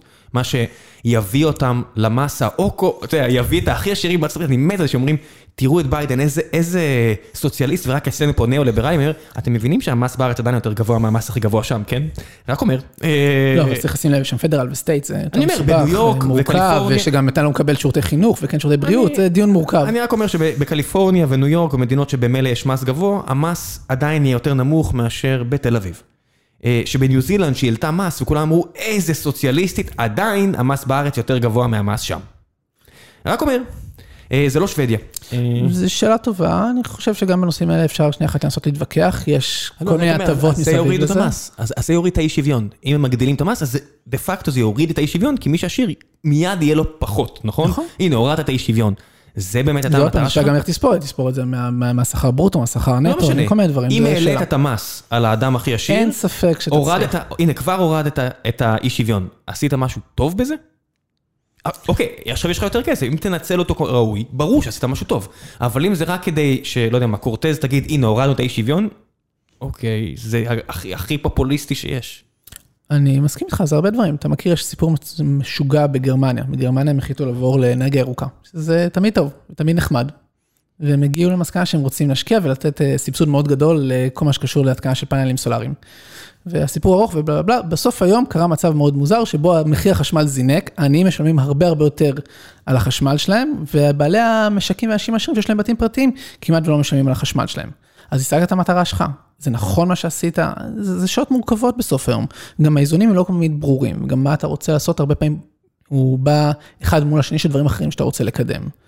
וצריך לקבל את ההחלטות, זה החלטות קשות ומורכבות, ואנחנו צריכים להיות שם, זה, אזרחים צריכים לקבל את ההחלטות עבור עצמם ולחשוב מה הם קודם כל רוצים. איך זה נראה כשאתה מגיע מול, לא יודע מה, גוף כמו משרד הביטחון, ואתה הנציג הבודד של משרד האוצר, ומולך יושבים אה, לראם המינח, המינח המינוח, המינוח? עכשיו זה כבר מישהי אחרת לפי אוקיי, דעתי, אבל כן. אז לראם השני, אה, שצריך לפגוש אותו במסגרת העבודה הקודמת, אה, יש 50 עובדים. במקרה היה לי להיות תקופה ממש קצרה רפרנט ביטחון, ואני יכול להגיד שזה באמת פערי כוחות אינסופיים, גם העובדה שאחת השאלות לפי דעתי שיצאה פה מהקהל זה מה קורה עם תקציב הביטחון. כן, זה, זה קשה מאוד, איך, זה לא איך, תמיד שיח. כמה קל להגיד, ידידי, אתה לא חשוף, אתה לא יודע.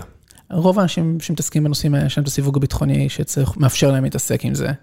אבל עוד פעם, זה שאלות יותר מורכבות, השאלה האמיתית אם אתה צריך X ראשי נפץ כאלה ו-Y ראשי נפץ כאלה, ואם נכון יותר לקנות עכשיו אה, טייסת מסוקים, או להשקיע בגיוס של עוד אנשי סייבר, לא יודע. צוללת שישית. תוצרת שישית. הצוללת השישית, הנושא הזה שכולם יש דעה עליו, ואני אומר... בוא'נה, אנשים, על מה אתם מדברים? זה בעיה בכלל בהנדסת תעשייה וניהול. אם אתם רוצים שיהיה צוללת במפרץ הפרסי, בכל שנייה נתון, אה, אם זה הפונקציה המטרה שלכם, יש פה חישוב נורא פשוט של כמה זמן לוקח, כמה זמן צריך לחסוך, אבל אתם לא חשופים בכלל לא לפונקציית מטרה. אבל גם, בוא ניקח את הגישה שלך, את הגישה של תעשייה וניהול, אבל אם נגיד לך שאתה רוצה את זה, באיזה רמת מובהקות אתה רוצה את זה? ב-100% שתהיה את הצוללת שם? גם אם יהיה תקלות, גם אם לא, אבל זאת השאלה בסוף אני לא בדיון, נכון. אני לא בדיון במשרד החוץ וביטחון, אני לא יודע... לכולם יש דעות, וכולם ברור כבר לגמרי מאיזה צד אתה הולך, לרוב לפי מה שהצבעת. להפך, אני אומר, מאיפה יש לכם דעה? מאיפה אתם בכלל יודעים להציע את הדעה על נושא כזה? אתם בכלל לא יודעים מה עושים עם הצוללות האלה. כאילו מה... אתה צודק, וזה בעייתי. לא יודע, מהחבר'ה של השייטת מורידים אותם, עושים להם טרמפ לפה, טרמפ לשם, מאיפה אני יודע בכלל מה הם עושים איתם? מי מספר לי? אני קשקשן, ברור שאף אחד לא יספר לי בצדק. אז למה שאני אביע דעה על זה? לא, אני אומר בצדק. כן, וגם אתה יודע, זה נגמר בשעות יותר מורכבות. רגע, האם אתה, נכון שהצוללת תהיה, אנשים יש להם רמת אה, ודאות שלמה, אם הצוללת צריכה להיות מגרמניה או מקוריאה או מכל מקום אחר, אין, אין לי מושג איך הם מקבלים את זה. אז, אז איך הבן אדם ממשרד האוצר בכלל, אמ- לפי מה, מה מבקשים ממך בכלל להחליט יש, פה, ל... כן? יש לאנשים יועצים, בסוף צריך לבנות איזושהי מסגרת, הצבא צריך לדעת לתעדף את הפרויקטים שחשובים לו. הוא צריך לדעת לשמור על מסגרת תקציבית, הוא צריך לדעת לנסות להבין בתוך עצמו מה חשוב לו לנהל ולא לנהל. אם חשוב לו שיהיה יותר פנסיות תקציביות ופנסיות גישור, או שהוא רוצה יותר צוללות והתחמשות. זה החלטות שבסופו של דבר... אבל איך, איך אתה מהצד של משרד האוצר, מה אתה בכלל יכול לעשות מול זה? זאת אומרת, מה אתה אומר לו? מנהל, אתה, זה אחד הקשיים הכי גדולים. בסוף, אני חושב שיש איזשהו סיכויים תקציביים, זה הדרך שבה עובדים. קובעים איזושהי מסגרת מסוימת, ותוכל צריך להתכנס, צריך להגיד, אני אעשה ככה וככה בתור משרד, ותקבל ו-X משאבים בתמורה לזה. שאמורים למלא את הצרכים שלך בשנה הזאת. משרד הביטחון זה משרד שיש לו אופי מאוד אה, ייחודי, שבו כשנגמר לו, הוא פונה לראש הממשלה לרוב, ואומר, אני רוצה עוד, כי אין ברירה, כי יש איראן, כי יש עזה, כי יש מה שזה לא יהיה. ומאוד קשה לו לנסות לעשות התייעלות פנימית. שנינו היינו בצבא, אנחנו מבינים כמה הארגון הזה לא יעיל עד הסוף. ושם מה הוא בוחר לעשות? לא יעיל עד הסוף. אני אומר, זה understatement מאוד חזק. יש לי פה כפתור של שעודדת מתבצע, אתה יודע, לא, לא, לא, מפודקאסט אחר, אה, לא יעיל עד הסוף, לא יעיל עד זה- הסוף. יש מקום להתייעלות, נכון? יש, לא, חמישה אחוז נגיד, לא... יש איזה כזה ככה בצד כזה, בשומנים של מעל המותניים, אה, קצת. קצת, נכון. כן. והוא צריך להחליט, הוא צריך להחליט בסוף היום. זה התפקיד של משרד האוצר בסיטואציה הזאת, לנסות לדחוף אותו לפינה של להתייעל. של לעשות את העבודה הנכונה, של להחליט מה חשוב שהוא דברי, שהוא, שהוא פעילות ליבה של משרד הביטחון, של משרד הביטחון, שהצבא זה גם כן שם אוסף, אה, אוסף של יחידות ותפקידים, ומה הוא יכול ללכת ולהיות במיקור חוץ, משרד. האוצר יכול לדרוש אה, הוכחות? יש מערכת, משרד הביטחון זה משרד מסובך, אבל כן, יש סיורים, יש... אז ממשרד אחר, אז בוא נגיד... כן, יש סיורים, יש דברים. משטרה, אני מניח שלמשטרה יש הרבה פחות סודות, אתה יודע, הכי סודי במשטרה זה לא יודע, מה ימ"מ וימ"ס? לא, יש את אה, היחידה לאבטחת אה, עדים, לפי זה הכי, זה הארדקור שם. היחידה לאבטחת כן. שופטים, עדים, כן, כן, יש כמה קיבלתי. אני בטוח שזה... אה, יש, יש כל מיני יחידות, זה נמצא שם. אוקיי, אז נניח שרק התקציב הזה, בסדר, אל תספרו לי מה אתם עושים. כל השאר, אני יכול לדרוש הוכחות שהכסף באמת עושה עבודה טובה? כן, יש חשבים, שתפקידם לבצע את התקציב מתוך החשב הכללי, זה התפקיד שלהם. יש אה, תקנות וסעיפים של איפה הכסף הולך. הבעיה יותר גדולה זה מה קורה כשהם לא עומדים בזה. מה תגיד לו עכשיו, אל תשלח שוטרים כי יש פרות ביפו? כי לא, לא, לא, אין לי התקציב? בעיה, ברור שאתה חייב לטפל, אני פשוט רוצה לפטר אותך. מה? לא, אני פשוט אומר, אוקיי, אם הפונקציה המטרה שלי זה למשל, אמ, אדוני המפכ"ל החדש, היית בימ"מ, אתה יודע מה אתה עושה, תוריד את מספר הנרצחים במגזר הערבי לאפס תוך ארבע שנים. זה לא שלך. של משרד האוצר בסוף היום, התפקיד של משרד האוצר, זה תפקיד שהשר הביטחון פנים להחליט את אבל ההחלטה אתה יכול הזאת. לדבר עם, לא יודע, ששר האוצר ידבר עם השר הזה. אבל אני יכול לבוא ולהגיד לו, תיקח תקציב עכשיו של איקס מאות אה, מיליונים ותבנה עוד תחנות משטרה. ותבנה עוד יחידות, או כן, אבל אז- אתה יכול לבקש מהגישה הכלכלית, תראה לי שבאמת עוד תחנות כן, משטרה. תראה לי את. זה, תראה לי את זה ונעשה ביחד ויהיה עבודות. דווקא יש עבודת מטה, לפעמים יש עבודת מטה שהיא טובה, לפעמים זה נחשפת לפרויקטים שבאמת אמרת, וואו, איזה- איזה עשייה ציבורית מדהימה? אני חושב שהפרויקטים, כן, יש פרויקטים מאוד יפים שקורים? מתוך זה. אה, חלק מהמשרדים, אני חושב משהו, אני אספר משהו שהוא נוגע ללב, על אוכלוסייה ציבורית. יש חברה שנקראת חברת המשקם. היא חברה שמעסיקה אנשים בעלי אה, נכויות למיניהם בכל מיני פעילויות בכל מיני מקומות. וזו חברה מקסימה. גם וגם. זה פירוט נפלא, זו חברה ממשלתית. לא יודע למה היא חברה ממשלתית, זה פשוט צורך היסטורי שנוצר. אבל היא עושה פרויקטים נפלאים, והיא חברה מאוזנת ורווחית אפילו בחלק מן השנים, והיא מראה שאפשר לעשות איזושהי פעילות קהילתיות. אפשר לדבר שנייה אחת על, אה, אתה יודע, שמה, שמה, מה החלק שלך, אתה מתקצב אותה בעצם? אתה מתקצב אותה, אתה עושה בקרה בעצם על השכר של העובדים בתוכה, ולראות שהכל שם מתנהל כמו שצריך, זו פעילות יפה מאוד. אין לי מה להגיד, אה, אני יכול להגיד שגם לצורך העניין אה, שיפור שיפור הזמן ההמתנה של, אה, איך לזה? הריבועים הגדולים האלה, של המשאיות אה, מכולות, שיורדות מנמלים.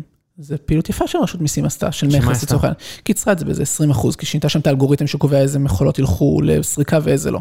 מש, משרד האוצר אמון על אה, לשפר אלגוריתמים של, של נמלים? לא, הם עושים את הפעילות הזאת, לא הנמלים, אלא המכס עצמו שעוצר לבדיקה את כל התהליכים האלה, ויש צורך לקבוע איזה, איזה מה- מהמכולות ילכו ואיזה מכולות לא ילכו. וצריך לקבוע שנייה אחת את התהליך הזה, ואם אתה עושה שם עבודה טובה של אלגוריתמיקה, אז אתה משפר את זה. לא באופן אה, קשה במיוחד. אז דברים האלה, לא יודע, לפתוח את אה, מעבר, אה, לפתוח את המעבר מול אה, ירדן בשביל לאפשר ליותר אנשים לצאת ולהיכנס בתקופה של הרמדאן ולהפעיל אותו 24 שעות. זה פרויקט טוב. זה משרד האוצר? כן, זה במקרה כי זה המכס, אז זה היה אצלי. אבל הרפרנט, צריך להבין שמשרד האוצר, בסוף יש מין תמונת מראה של משרדי הממשלה. לכל משרד ממשלה יש איזשהו נציג שהוא אחראי התקציב שלו ועל הפעילות שלו ועל הרגולציה שהוא מייצר אותו משרד. זה התפקיד של אגף תקציבים אפילו, לא של משרד האוצר, של אגף תקציבים עצמו. יש חלקים במשרד האוצר שעובדים מסורתית יותר טוב ויש כאלה שעובדים מסורתית פחות טוב? זה מאבק פוליטי קשה ופנימי. תמיד יש מין יוקרה פנימית של כל יחידות. ממה שראית. אני חושב שכולם יש להם אופי אחר ו-DNA אחר, כי יש להם משמעות אחרת. יצא לי זכות מאוד גדולה לעבוד בשתיים האגפים האלה, אני חושב שיש להם אופי אחר. כל אחד שאלה איך אתה שופט מה זה לעבוד נכון. אני חושב שיש מקומות שבהם יש יותר משמעות, אופי כזה של צעיר ומקנזי ומגניב מה? ומתנהלים, זה אגף תקציבים, ויש מקומות שהם קצת פחות כאלה. מה, מיסוי? נגיד. נגיד מיסוי, אוקיי? משהו שמעניין אותי. איך החבר'ה שאחראים על המיסוי לא דורשים שיהיה להם הרבה הרבה הרבה יותר אכיפה. זאת אומרת, זה נראה לי, כל שקל שאתה משקיע, לא יודע, נראה לי, במבט תמים וממש אינפנטילי כמעט, נראה לי כל שקל שאני אשקיע באכיפה, יש שווה לי, לא יודע מה, אחד וחצי, שני שקלים. כן, יש דוח של מקנזי שמדבר בדיוק על השעת פריון השולית הזאת של עובד אה, ספציפי בתחום השומה של חברות גדולות, כמה זה מאוד שווה. אם העובדים הולכים רק לשם, זה היה טוב מאוד. למה לא? למה שהם לא יעשו? זאת אומרת, מה אכפת להם לעשות את זה? זאת אומרת, מה, הליבי ליבי עם אנשים? אז אני רק רוצה להדגיש, למה ממה שאתה ראית, לא תעבור החלטה של, אוקיי, אנחנו מגדילים עכשיו את האכיפה פי שתיים. יש, זה נכון שיהיה אכיפה פי שתיים, וזה צריך שזה יקרה הרבה פעמים, זה דורש הרבה גידול של כוח האדם, השאלה אם זה גם נכון לטווח הארוך. לצורך העניין, אם חלק גדול מהתהליכים האלה צריכים לבוא על ידי שיפור בטכנולוגיה. אתה גם לא יכול להגדיל רק את האכיפה, אתה צריך להגדיל גם את כל קבלת הקהל, אתה צריך להגדיל את כל החבילה המסייעת מסביב לזה. תשמע, אם אתה שואל אותי, שאני, הרי אני גם אה, מועסק אה, כשכיר בסטרים אלמנטס, וגם יש לי את העסק קצת של הפודקאסטים, אז אני צריך, אני מגיש את כל המיסים.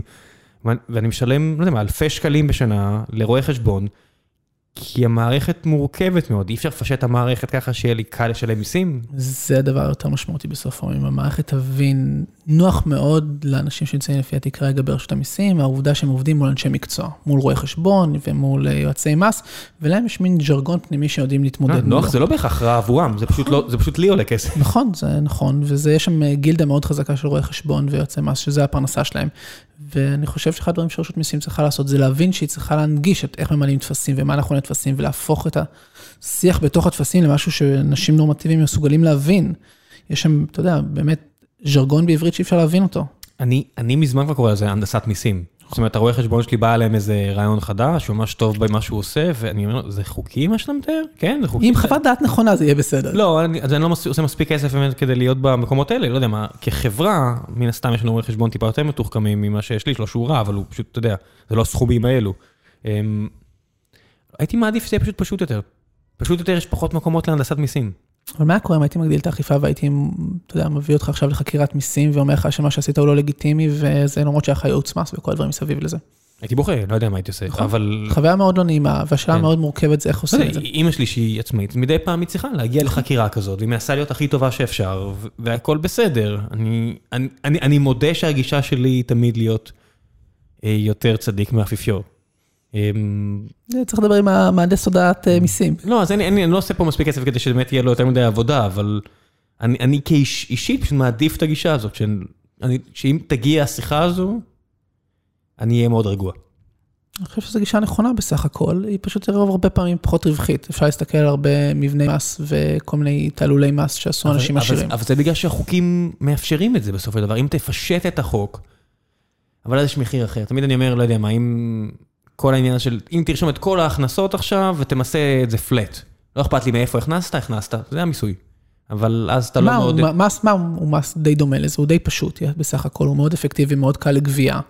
מצד שני, הוא לא מבין את המורכבות של מה זה לנהל עסק. מה אתה עושה עם עסק ששנים מסוימות הפסיד ושנים מסוימות מרוויח, יש לו מגן מס, אין לו מגן מס.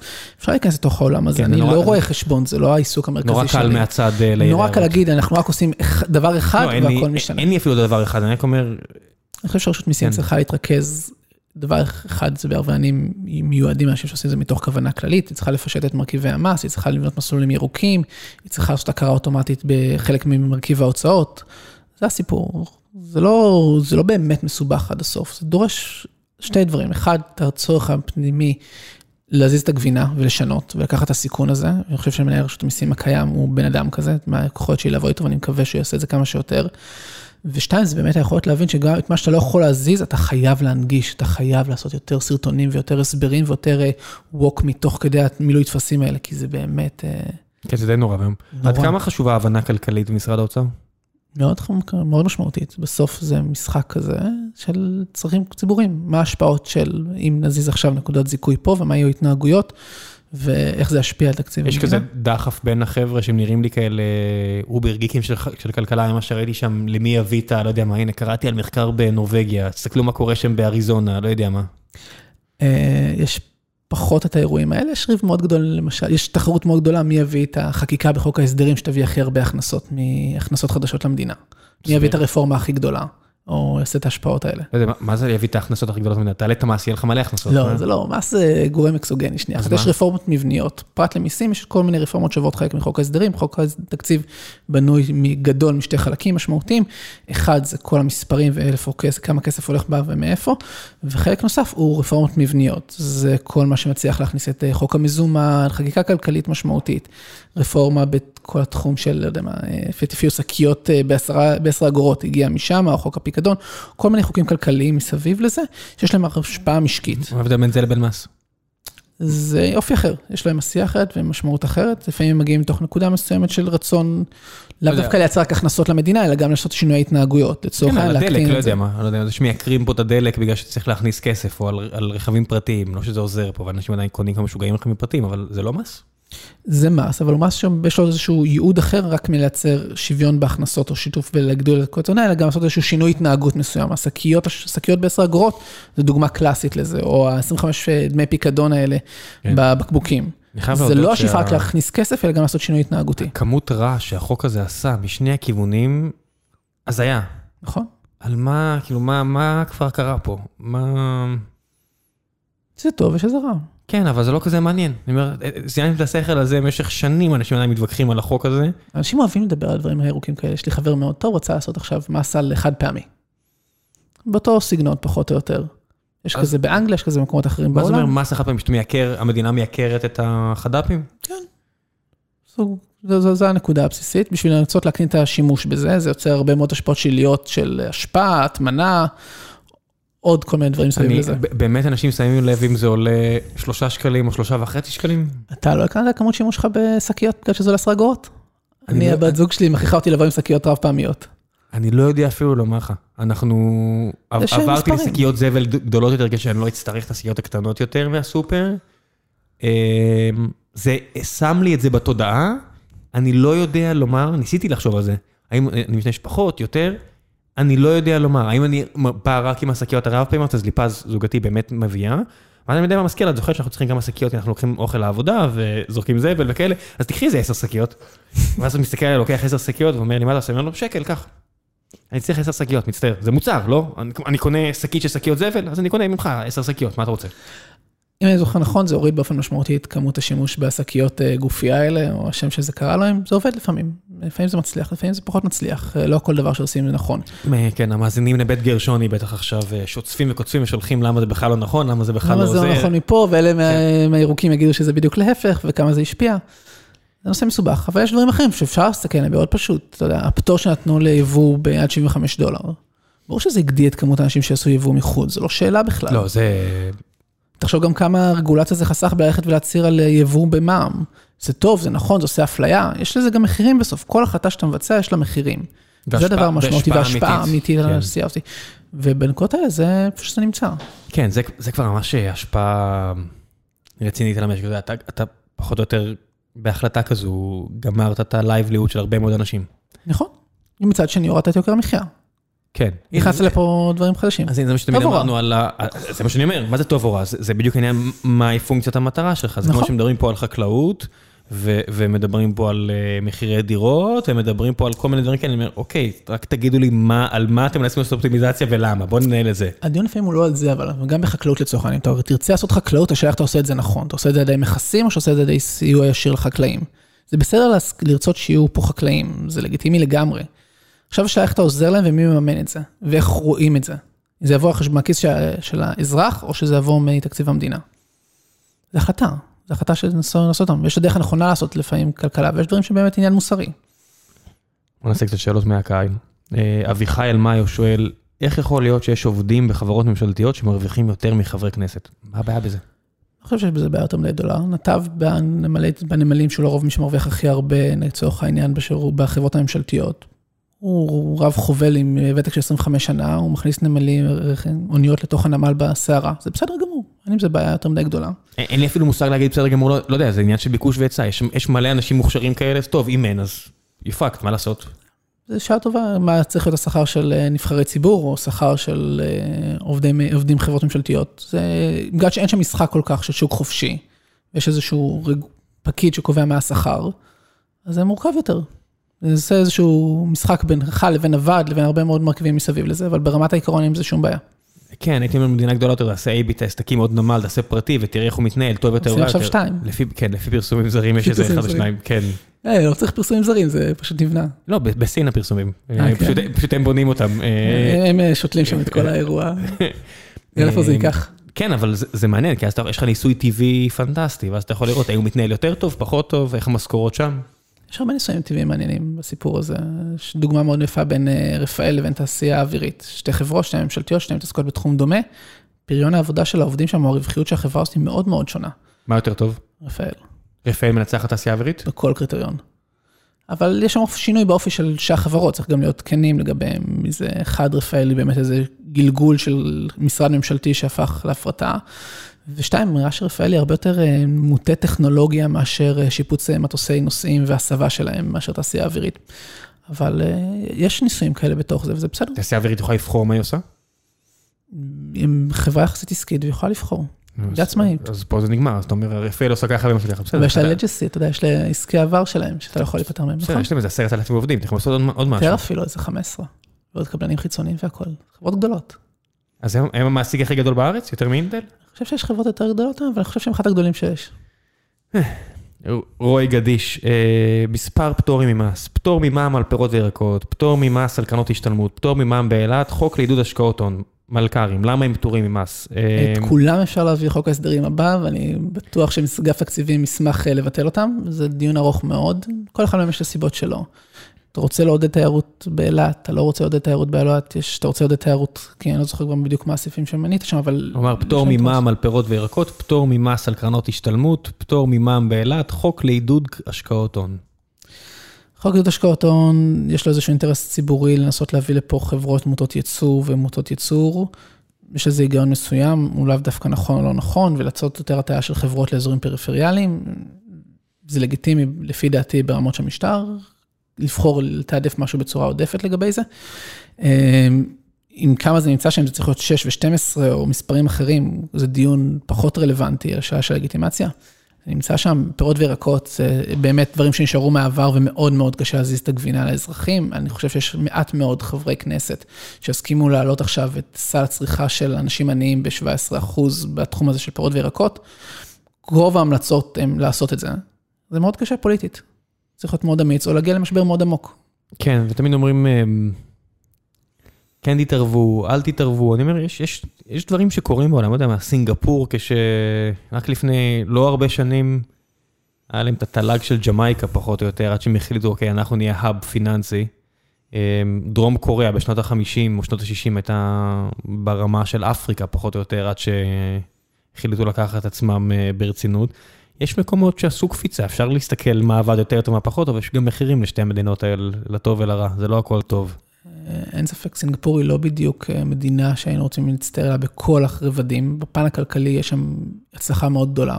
צריך לזכור שאתה... זה עיר, בוא... זה בוא עיר בגודל קטן, הייתי שם לא מזמן, היא מקסימה ונפלאה, אבל היא באמת לא מדינה ויש בה מורכבויות שונות לא, לגמרי. אנשים בורחים משם לסין, כי אין להם, אין להם יותר כבר מקום לחיות, אנשים צעירים בורחים הם אה, מסין. קנו עכשיו אדמה בשביל לעשות חקלאות במדינה אחרת. אבל הם. אבל הם אחת המדינות, אחת המדינות הערים, איך שנקרא, זה הכי עשירות בעולם. ומצד שני זה גם איזה סוג מסוים של דיקטטורה עם שלטון מאוד כוחני ושינויים ו- וגז- ואפליה בין אה, סוגי אנשים ומוצאים שונים שיש שם. כן. כן, יש שם בעיה. מודל החל"ת, על מה לעזאזל חשבתם? שואל ניר יריב. אני חושב שאת התשובה לזה יכול לענות אה, השר לשעבר, השר שלי לשעבר. הנוכחי עדיין, כן. הנוכחי עדיין זה. זה מודל, היה שם איזו שאיפה מאוד ברורה שהיה צריך לנסות לעזור לאזרחים. אלה שיצאו עכשיו אין להם עבודה, היה צריך להאריך את התקופה. השאלה אם זה צריך להיות המודל הגרמני, המודל הישראלי, אני יכול להגיד שאני אישית חושב שהמודל הזה עדיף, המודל הישראלי, כי הוא מבטיח באמת שלכולם יהיה איזושהי רשת ביטחון, וזה תפקיד של המדינה לעשות כשיש משבר.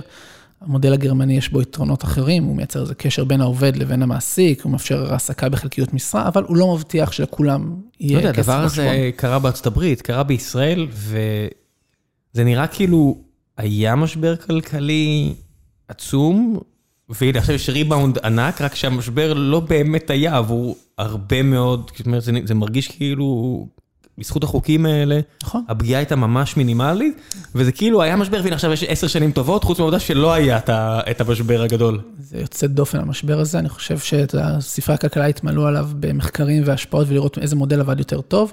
אני בטוח שישראל תהיה אחד מהקייסים הכי מעניינים בסיפור הזה, גם מבחינת החיסונים וכמה זה היה נכון או לא נכון, וכמה נכון להשקיע, ומצד שני גם שהיה שם מודל החל"ת, לעומת המודל, התמיכה בעצם באזרח הקטן, לעומת התמיכה בחברה עצמה. אני חושב שהרשת ביטחון בדיעבד עשתה עבודה לא רעה. אני צריך יודע, לזכור את זה שעד מאי היו אנשים ברחובות, היה אנשים שלא היה להם כסף לגמור את כן. החודש. במרץ שעבר הייתי בטוח שהעולם הולך לקטסטרופה, או פסימי שכמוני, ואתה מסתכל עכשיו על כל המדדים של הברית, מלבד החוב העצום שלהם, הכל נראה מדהים. נכון. אבטלה הולכת שוב למינימום, הבורסה בשיא כל הזמנים, איך שאתה לא מסתכל, חברות מדווחות על הכנסות על, אנשים נראים כאילו הם, הם בסך הכל בסדר גמור, ולא באיזה אמצע של משבר כלכלי ענק.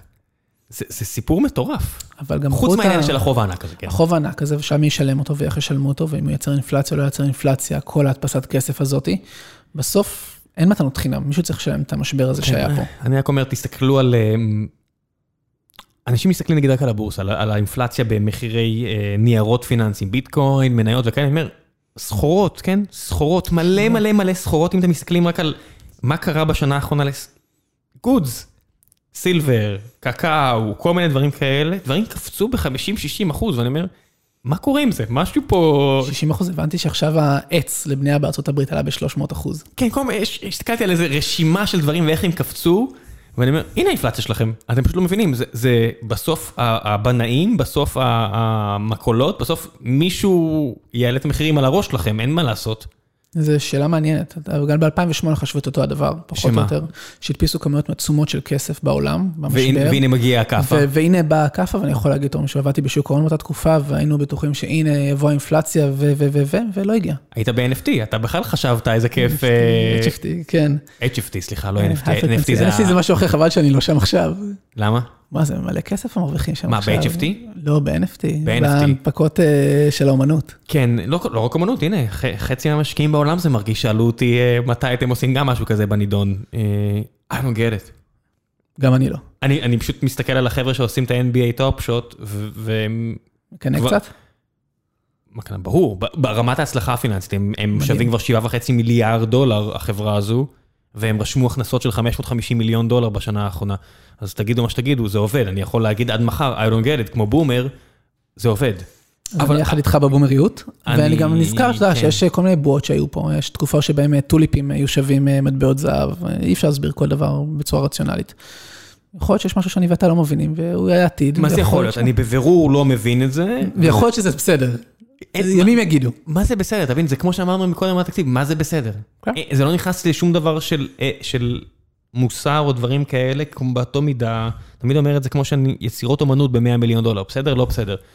אה, זה מה שמוכן לשלם, זה השווי של זה. עברתי, אה, במשך יומיים צילמתי בחניון ליד הבית, איזה אסטון מרטין שחנתה על ארבע חניות. לא שתיים. זה דורש מיומנות גדולה. לא.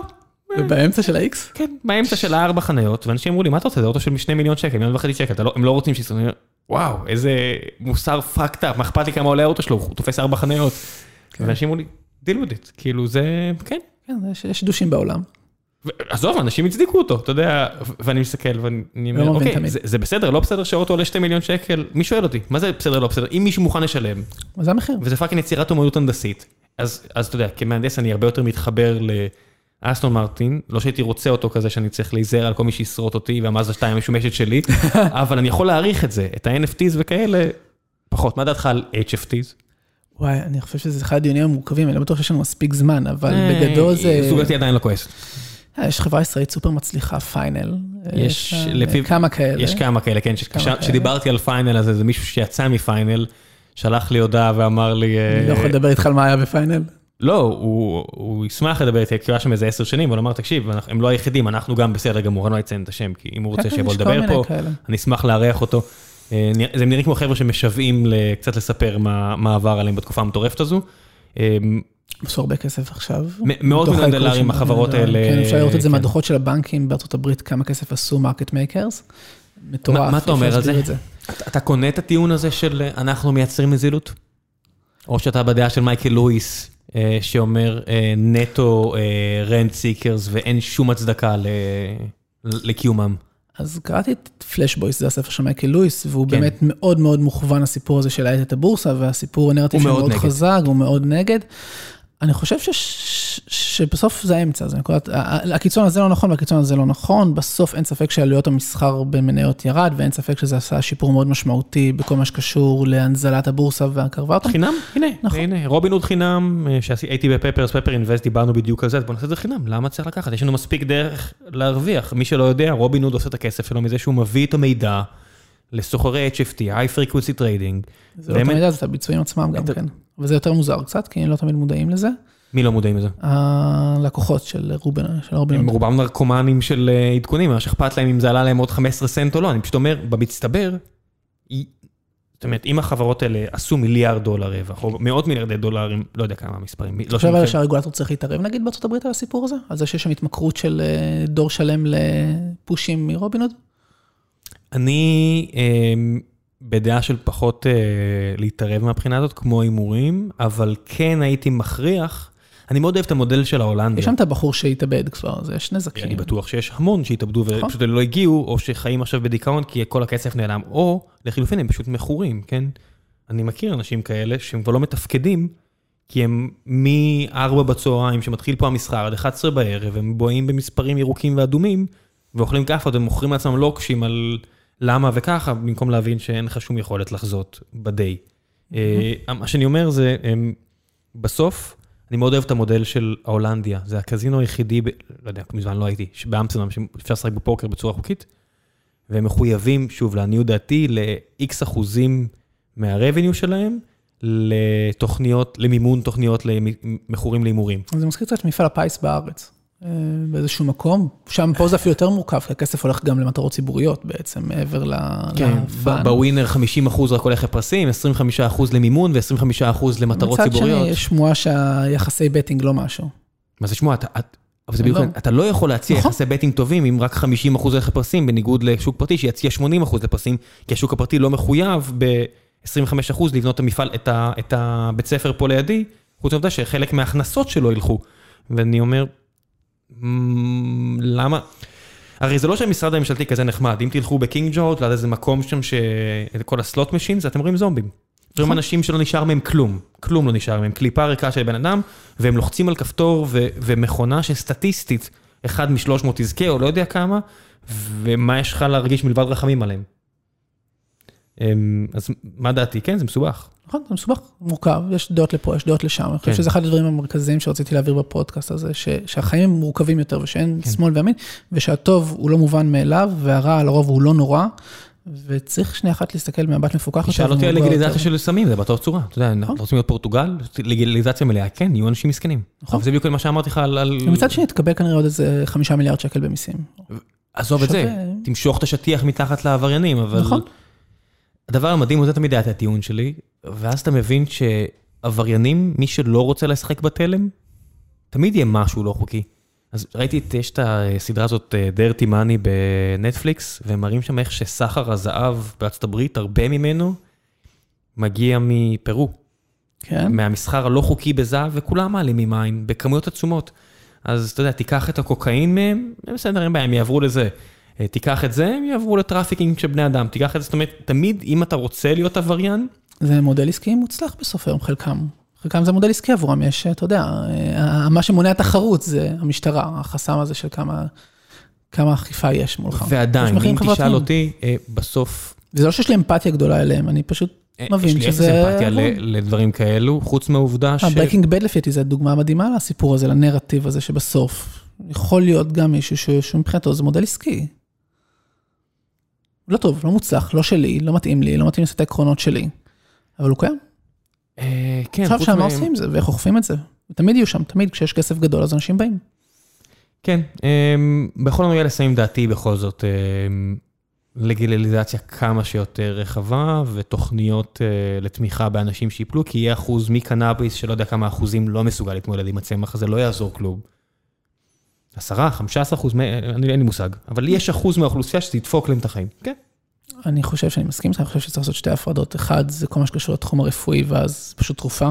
זה לא צריך להיות דיון בכלל, זה כמעט לא מביך הדינמיקה וזה. זה לא תרופה, זה, לא.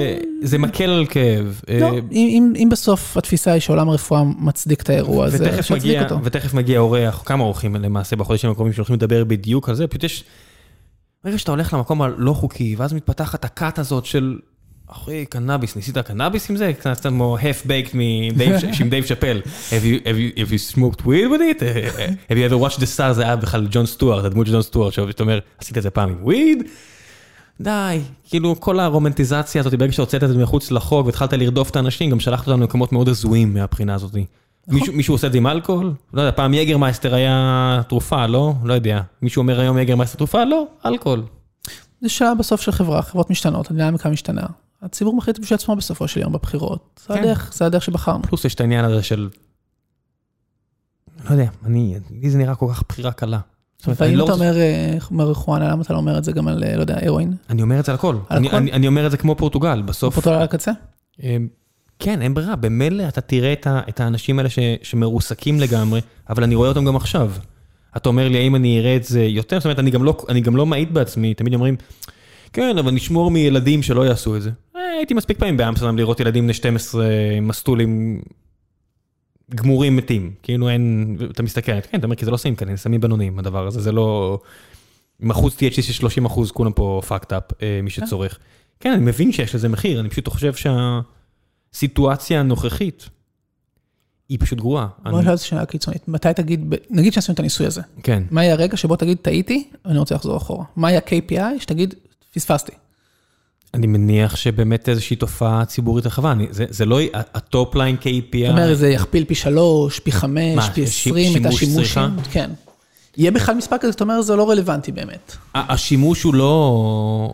בסוף בן אדם, הרי וול סטריט מלאה באנשים שמשתמשים בקוקאין בצורה מלאה, לפחות לפי uh, הקלישאות של הוליווד, והם...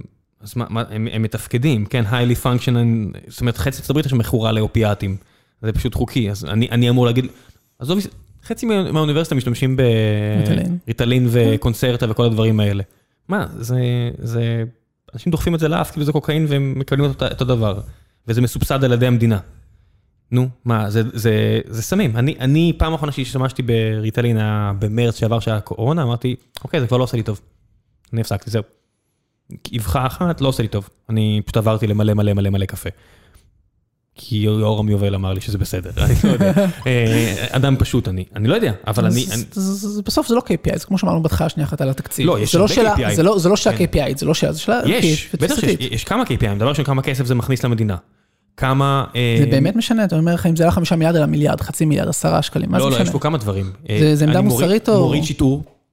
אני לא, אני... לא, אתה אבל הכל יש צודק. יש מלא מרכיבים והון אבל זה שחור. בדיוק זה, אני שם, אבל כל הדברים האלו, אבל זה לא משנה אם המספר הוא שמונה או ארבע, או מה? שלוש, ב- ב- בעלויות או בחיסכון, בגדלת ההכנסה. זו תפיסה. בניגוד- בניגוד לצורך העניין לשעת נקודת האופטימום של מיסים. אלא שאלה ערכית, שאלה כן. ערכית שבה אתה אומר, אני חושב שזה נכון. אה, אני לא חושב שזה נכון ל- להתערב לחיים נכון. של אנשים.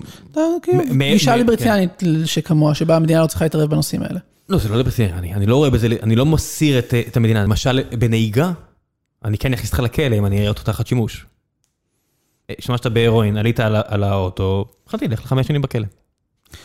זה- כמו עם אלכוהול, אתה יודע, פעם אחת, אתה יודע, אני אקח את הראשון לשנה, פעם שנייה תלך לכלא. אתה יודע, אין פה מה, הנה, זה, זה, זה לא אנרכיזם.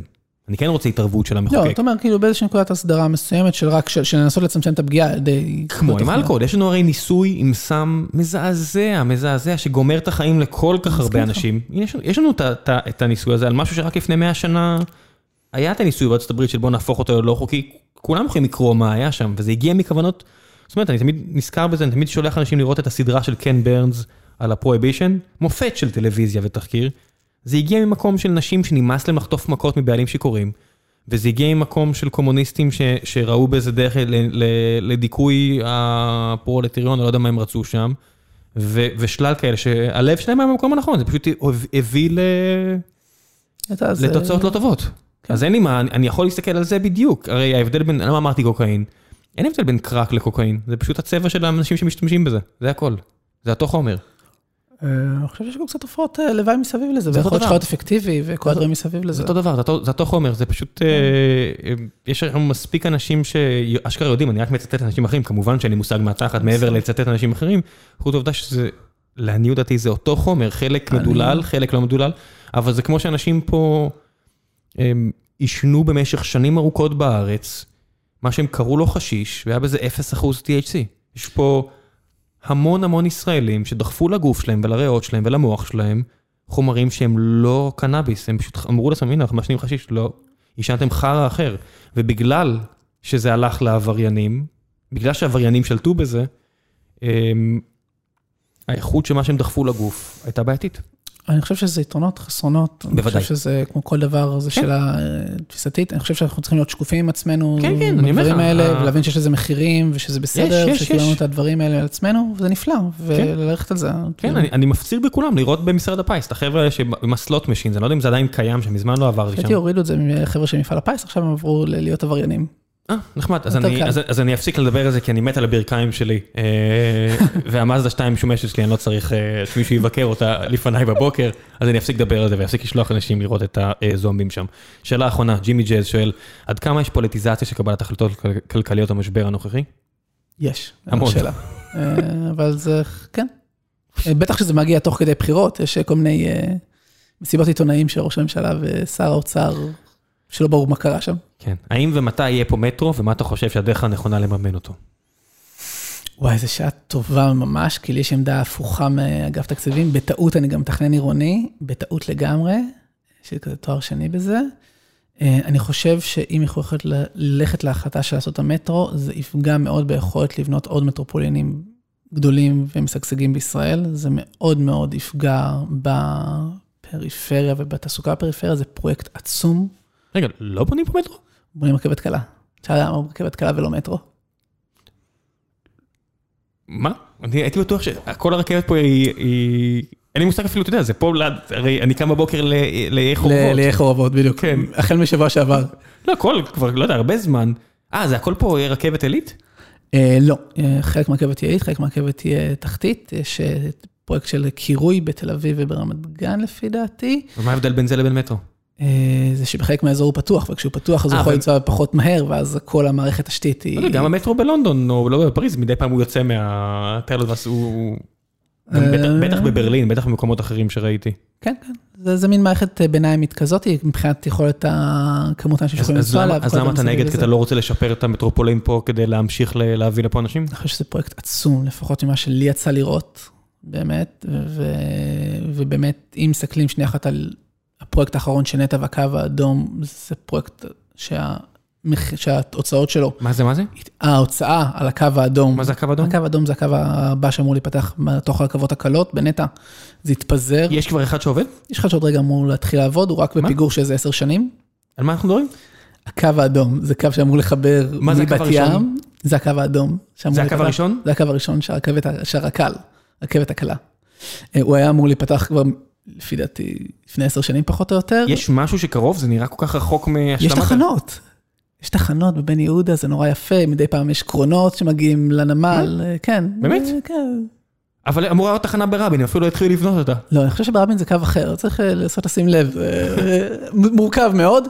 אני לא חושב שזה בחיי, אני מודה שאני מסתכל על זה, אה, זה מרגיש לי כמו משהו שרחוק עוד איזה עשור מהשלמה. אבל אני, אני זה אחד הנקודות שחייב להגיד שזה באמת, אה, זה פרויקט עצום, זה מגה פרויקט, ש, שאם הוא יתבדר כמו שהתבדר הפרויקט של הרכבת עד היום, מבחינת פיגורים ועלויות, זה חסר פרופורציה לכל דבר שאנחנו מכירים במדינה. הנה, זה ידחוף אנשים החוצה מתל אביב. מה?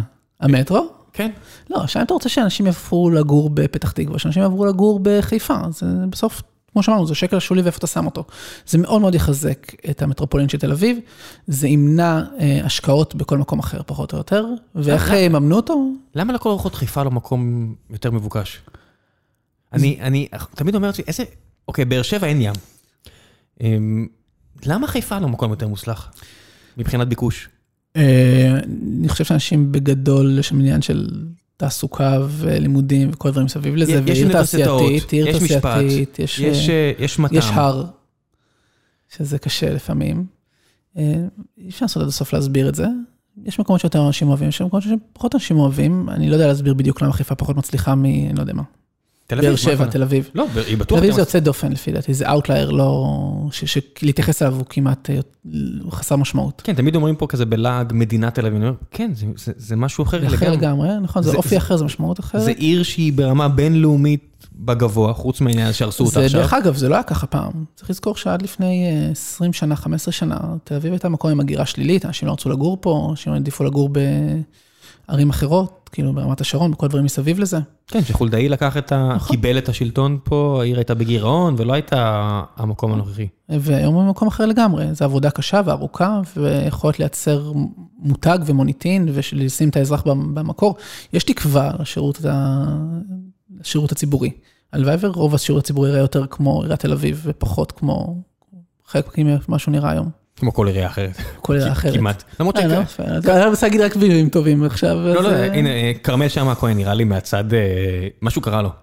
אני רוצה שמה שהוא שתה, שהוא ימזוג לכל החברי כנסת האחרים. אני לא יודע מה קרה שם. טוב, זה רע, אני לא... לא- זה לא נראה-. זה נראה לי משהו, אני לא יודע איך הוא עבר מ... ויסלח לי האיש, הוא עבר מליצן לראש העירייה, כשאני מסתכל מהצד, אני אומר, וואו, הוא פנטסטי.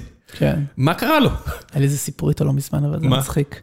אתה יודע שאחת ההבטחות הבחירות, יצא לי לעבוד עכשיו בבחירות באיזה קמפיין של אחת המפלגות, כתבתי קצת מצב ועשיתי כל מיני דברים מסביב לזה באזורים הכלכליים, וכרמל בא ואמר, אני לי, אתה לא מבין, יש דבר אחד שצריך לדחוף, ביטול תאגידי המים. זה מה שחשוב לאזרחים. אני חזרתי מחו"ל, וזה מה שהבטחתי, והפכתי להיות ראש עיר. צדק. עצרת ראש עירייה, ראש עירייה, כן. כן, דורון פשוט. התחיל איתי, יש לו- אלרגיה למושג ראש לא- ראש עיר. כן, ראש העירייה. מה זה תאגידי מים? תאגידי המים זה המי אביבים שאנחנו משלמים, כן. אז אה, פעם זה היה חלק מהעירייה, ואז העבירו את זה החוצה לחברות עירוניות, ומאז שזה חברות עירוניות צריך לשלם על זה מע"מ, כי זה לא מלכ"ר, ועוד דברים מסביב לזה, ואנשים נורא, נורא, נורא לא אוהבים את הגופים האלה, מסתבר, ברמות שזה אבסורדי. למה? מה? אה, כי זה יקר? כי זה יקר יותר ממה שהם רגילים, כי הם התרגלו בעבר שהם צריכים מה שהם הולכים לעירייה, וקצת מפה וקצת משם, ומסדרים להם. ו... ברשימת הדברים שאני מוציא, יש לי אקסל שאני סופר כל שקל שהתא המשפחתי הקטן שלנו מוציא. המים זה כל כך לא, יודע, בטח ביחס לחשמל, ארנונה, דיור, תחבורה. אם היה לך בית פרטי והיית גר עם, אה, גינה? לא יודע, עם גינה ובריכה ושלושה ילדים. וכמה אנשים ב- ורכב ב- שהיית רוצה לשטוף אותו. לכמה אנשים בבית- ב- בעיר- בעירייה של כרמל שם הכהן יש אה, את מה אבל שתיארת? לאזרחים זה נורא חשוב. בוא'נה, ועשינו סקרים על הסיפור הזה. ומדהים, הוא צודק. אנשים ממש ממש שונאים תאגידי מים. אני חושב שזה אחד הקונצנזוסים הכי גדולים שראינו, שמאל וימין, לבטל תאגידי מים. יאללה, בוא נעשה עם זה שלום בין הערבים ליהודים בארץ. אין ספק. אפשר, מרכיב השנאה כלפי אה, מיסים זה מפתח. כן. טוב, בן אדם. המלצות? כן, תן לי. תן לי, תן לי, אתה יודע מה, רוצה המלצה ממני? כי אמרת שאתה אוהב את הסיפור הזה. בוא נראה איך זה נקרא. הספר על אה, טראנוס, התחלתי, טרו בלאד. טרו בלאד, אודיובוק, סיימתי עכשיו לא מזמן. אחלה ספר, זה סיפור. פיצץ לי את השכל. הרומן עם החבר שהוא גם ה-CFO, זה... לא ה-CFO, הנשיא. הנשיא, סליחה. אני, אני בשוק, אתה יודע, אני ממש עשיתי רשימה בסוף שבוע של דברים לקחת, למי שלא מכיר, טראנוס, חברה פרטית של אה, ילדה צעירה, נערה צעירה שהתחילה בגיל 20 ו- ועודף, והיא רצתה לעשות מהפכה בתחום בדיקות הדם, והקימה חברה שאחרי שהיא כבר לא כל כך צעירה, היא כבר כמעט 40 לעניות דעתי, אה, הגיעה לשווי של 10 מיליארד דולר, וזה הכל היה שקר. זו חברה שהתנהלה בצורה מחפירה לעובדים שלה, היא התנהגה בצורה מחפירה ללקוחות שלה ולשותפים העסקיים שלה. פשוט שיקרה לאזרחים על הבדיקות דם שלה, זה מדהים. היא שיקרה לאזרחים, אה, העורכי דין, פעם ראשונה ראיתי מה זה אלימות לגלית. אני שומע את המונח הזה אה, מכל מיני אה, אנשים כאלה ואחרים בארץ, או אדם כזה או אחר בארץ, פעם ראשונה ראיתי מה זה אלימות לגלית. מפחיד מה שעורכי דין יקרים בארצות הברית יכולים לעשות לאנשים. אותי הדהים הסיפור הזה, כמה הרצון שלה לעשות דימוי שדומה לסטיב ג'ובס בשביל להתקרב לאיזה סיפור אגדה. זה דמות בארץ. נהדרת. זה מדהים, נכון? זה דמות בארץ נהדרת. זה לא בן אדם אמיתי. זה לא בן אדם אמיתי. זה דמות... זה עבד, וזה אנשים נורא רציניים. מה זה, הנרי קיסינג'ר, הנרי קיסינג'ר השקיע שם, אנשים super duper, אי אפשר להסביר את זה. הנרי קיסינג'ר יכול להגיד ש... לא הבנתי. הוא השקיע שהוא בן 90 פלוס והגן עליה. אה, מ- מדסן, שמספרים שם על אה, איזה גנרל בצבא האמריקאי שדחף את השטויות שלה לתוך הצבא בכוח ומחץ אנשים שהיו בדרכה, הוא אחרי זה קיבל מטראמפ תפקיד מאוד בכיר, תבדקו כאילו מי היה, בן אדם זה הזיה. ואז אתה אומר, רגע, מי עוד היה מעורב שם? קלינטונים, ביידן, אובמה, כל הצמרת של הממשל הדמוקרטית הסתחבקה איתה ועזרה לה עם הרגולציה, ואני אומר, אתם בדקתם? אתם הסתכלתם? ג'ורג' שולס, מזכיר המדינה לשעבר, לא מדבר עם הנכד שלו, שהוא זה מהאנשים האמיצים ש... שחשפו את הסיפור הזה, וזה רק מראה לך מה החשיבות של עיתונות חוקרת. אני כל הזמן זלזלתי בעיתונות, כתבתי את זה בטוויטר, ישב פה לא מזמן אה, עמרי זרחוביץ', לפני, לא יודע מה, עברו בטח כמה שנים כבר. העיתונאי, אחד מהעיתונאים שאני הכי מעריך בארץ, אני מת עליו, כל, כל דבר שהוא כותב, רמה מעל כל דבר שראיתי בטכנולוגיה בארץ, בעיתונות טכנולוגיה. ובסוף הפרק, אחד המשקיעים שאני הכי אוהב בארץ, אמר לי, תקשיב, בוא נדבר שלושתנו, נדבר קצת על על הפרק הזה, אבל off the record, אמרתי, הוא לא רצה ללכת למיקרופון, גם לא את שמו, והייתה שיחה מעולה על מה זה בעצם, מה התפקיד של עיתונות בעולם ה tech. ואמרתי, טוב, אולי לא צריך עיתונות בעולם ה tech, יצא לי מהשיחה הזאת, אין, אין, אולי, אין, אולי לא צריך. ואז קראתי את הספר הזה. כן, זה סיפור משוגע. יש כמה סיפורים כאלה של אה, fraud בעולמות של יזמות ועסקים בארצות הברית, שהם פשוט הזיות, הזיות מוחלטות. כן, אבל זה לא WeWork, זה משהו, זה זה- לא איזה cut, WeWork הערך אמיתי. אני, לא יודע מה, אם היינו ב-WeWork, אני מקבל את מה שרציתי, בסדר? מה שאני שילמתי עליו, אני מקבל אותו. את אפשר להגיד שאדם נורמן פיתח cut, והשתגע, ושיהיה לבריאות. אה, הנה, חבר הדירקטוריון של אדם, מייקל אייזנברג תכף יגיע, אולי נדבר על זה איתו בפרק. אבל אה, זה לא זה. זה ממש שקרים והתעמרות באנשים, ואחד האנשים מתאבד שם. כאילו, אחד החוקרים הראשיים שם התאבד, כי הם דרשו ממנו גם להגיע לחקירה על הפטנטים, והם... זה, זה, זה התעשייה הזאת, בס- ואתה יודע, וכל המשקיעים הרציניים, זה, זה, זה משהו שאתה יכול לראות בין, בין השורות, וזה תמיד אני אומר. כשאתה מסתכל על חברה כזאת, וכל המשקיעים שם זה קרלוס סלים, שעשה את הכסף שלו מלמחוץ את, את מקסיקו, ורופרט מרדוק, שעשה את זה עם העיתונות בבריטניה כ, כאוסטרלי, ואתה אומר, אין שם, לא היה שם אף קרן הון סיכון. אם אתם חושבים שמשקיעי הון סיכון לא נגעו בחברה הזאת, והם לא ידעו בדיוק מה קורה, ואף אחד לא דיבר. אבל אני חושב שיש עוד דוגמאות לא מזמן, שעכשיו יש קריסה של חברת פינטק Greensill, שגם כן יש שם VCs, והם, אתה יודע, גם הם מפשלים, זה בסדר, זה חלק מהעשייה כנראה. כן, אבל נגיד שהם מפשלים, אז אתה יכול להגיד, בסדר, לא יודע מה, אה, Club, WeWork זה אירוע מורכב, לא יודע מה להגיד על זה, מה, איזה חברה התחלת להגיד? Clubhouse שהגיע עכשיו ל evaluation של 4 מיליארד דולר, ש Andreessen Horowitz דוחפים אותה, בסדר, אבל זה, מי ייפגע פה? המשקיעים של Andreessen Horowitz שקיבלו פה החזר אגדי, או חצי מהקרנות בארץ שכולם חבטו בהם, פתאום כולם מביאים פה החזר מטורף, כי... כן. אה, לא, טוב, זה, זה כסף, זה כמו HFT, זה, זה, זה אפשר לדבר לכאן, כששתי אפשר לדבר אנשים לשם. באותו, באותו מימדים, באותו גודל מנהלים את המשחק הזה, זה, זה בסדר, זה לגיטימי. כשאתה משקר לאנשים על הבריאות שלהם, זה לא בסדר. וזו שאלה יותר מורכבת, מה שם ה-FDA וכל החברה מסביב לזה, זה כן. סופר משוגע. אתם, אני ממש... זה חובה לקרוא את זה. לשמוע, לקרוא איך שאתם לא רוצים, ושוב, העניין הזה שעיתונאי אחד פירק את המגדל קלפים הזה. אין, לזה, זה, זה פשוט, לא, לא מספיק אנשים מכירים את זה. כן. יש סרט עוד מעט, הבנתי. חייב להיות סרט. כן, אני, אני, ו- ובטח, אה, איך קוראים לו, אמ, אה, נו, הרשת החברתית, אה, אורקין, אמ, כן, כן. וואו, עכשיו אנשים משתגעים, אני מצטער, ברח לי השם. אמ, כן, בטח יהיה מלא מונולוגים שלה ודיאלוגים שלה, ובטח יביאו אנשים הרבה יותר יפים לשחק שם את כל התפקידים, הסתכלתי על התמונות, אף אחד שם לא עובר מסך. אה, זה שגם חבר שלה, בן זוג שלה היה מבוגר בן, ממנה, זה 50, בן כמה הוא היה שם? כן, איזה הודי שמבוגר ממנה ב-20 שנה, והיא די נאה בסך הכל. היא סך כל הכל. מאוד נאה, כן. מאוד נאה. You can do much better, זה כמו בסיינפלד, זה כזה, you can do much better. כן. מגיע לך יותר מה- מהסיפור הזה. אה, סיפור גדול מהחיים, באמת, שווה מאוד. כן. טוב, היה כיף. תודה רבה. יש לך עוד המלצות? אה, כן, כן, בוא ניתן לזה המלצה אחת קטנה, כי נורא נהניתי מזה השבוע, ואני רוצה להעביר את זה הלאה, וזה סופר ישראלי לשעבר, קוראים לזה מונשוט. זה ספר שמנסה לנתח איך מייצרים קפיצות גדולות במדע וביזמות. כן, אפילו המלצתי עליו פה פעם אחת, אז אני אוסיף את ההמלצה הזו ואת טרובלד, מה עוד? וטרובלד, ויש לי איזה ערוץ יוטיוב של בחור, מה זה מקסים, מה זה מקסים שאני נורא אוהב, What If Alternative History, על מפות ודברים, אם אתם אוהבים את הקספן ריפורט, שווה ביותר. כן, יוטיוב כבר דחפו לי את זה חזק, את הסיפור הזה, אי אפשר לברוח מזה, וזה מעולה. זה מעולה, ממש, שווה לפרגן, יש כל כך הרבה תכנים מעולים עכשיו ביוטיוב, יוטיוב הולך ונהיה חלק... הפרסומות והן נהיו גרועות, אני לא יודע... עדיין לא נשברת? מתקרב לזה. אני מרגיש שכאילו כמה שהפרסומות נהיות יותר קורסים להדרכה, איך לסחור בבורסה ואיך להיות קואוצ'ר. מה שאתה... הם בדיוק, אתה יודע, הם מטרגטים אותי, אבל אני סובל מאוד. מה שאתה חושף זה... זה מה שאתה, אתה יודע, תיזהר. אתה מספר פה את היוטיוב יודעים. נראה לי שכבר מי שמקשיב לזה מבין שזה עולם קרוב לליבי. כן, וילדים חולי סרטן, כן. לא, אני הורדתי את הפרסומות, אני מוכן לשלם רק כי הילד שלי כבר נהיה צרכן של יוטיוב, ואני פשוט לא רוצה שהוא ייחשף לפרסומות. זה שווה את זה, מאוד שווה את זה. אם יש לך ילד ואתה לא רוצה שיראו את הבאמת... כאילו יש לי, יש לי... זה גם ROI שווה, בסך הכל אתה אומר לעצמך, כמה שעות הוא רואה, כמה אתה משלם, 24 שקל? 19 או 24, כן, יש לי שני חשבונות, יש לי חשבון עסקי וחשבון פרטי, אז בחשבון הפרטי שילמתי על יוטיוב, כי אנחנו צורכים, אני צורך הרבה ואני לא רוצה לראות פרסומות, בחשבון העסקי, אין לי הצדקה שהחברה תשלם על זה, ואני מנסה להיות יותר קדוש מהאפיפיור, ואני לא מוכן לשלם עוד פעם, אז אם אני רואה יוטיוב בעבודה, אני שומע עכשיו, לא יודע מה...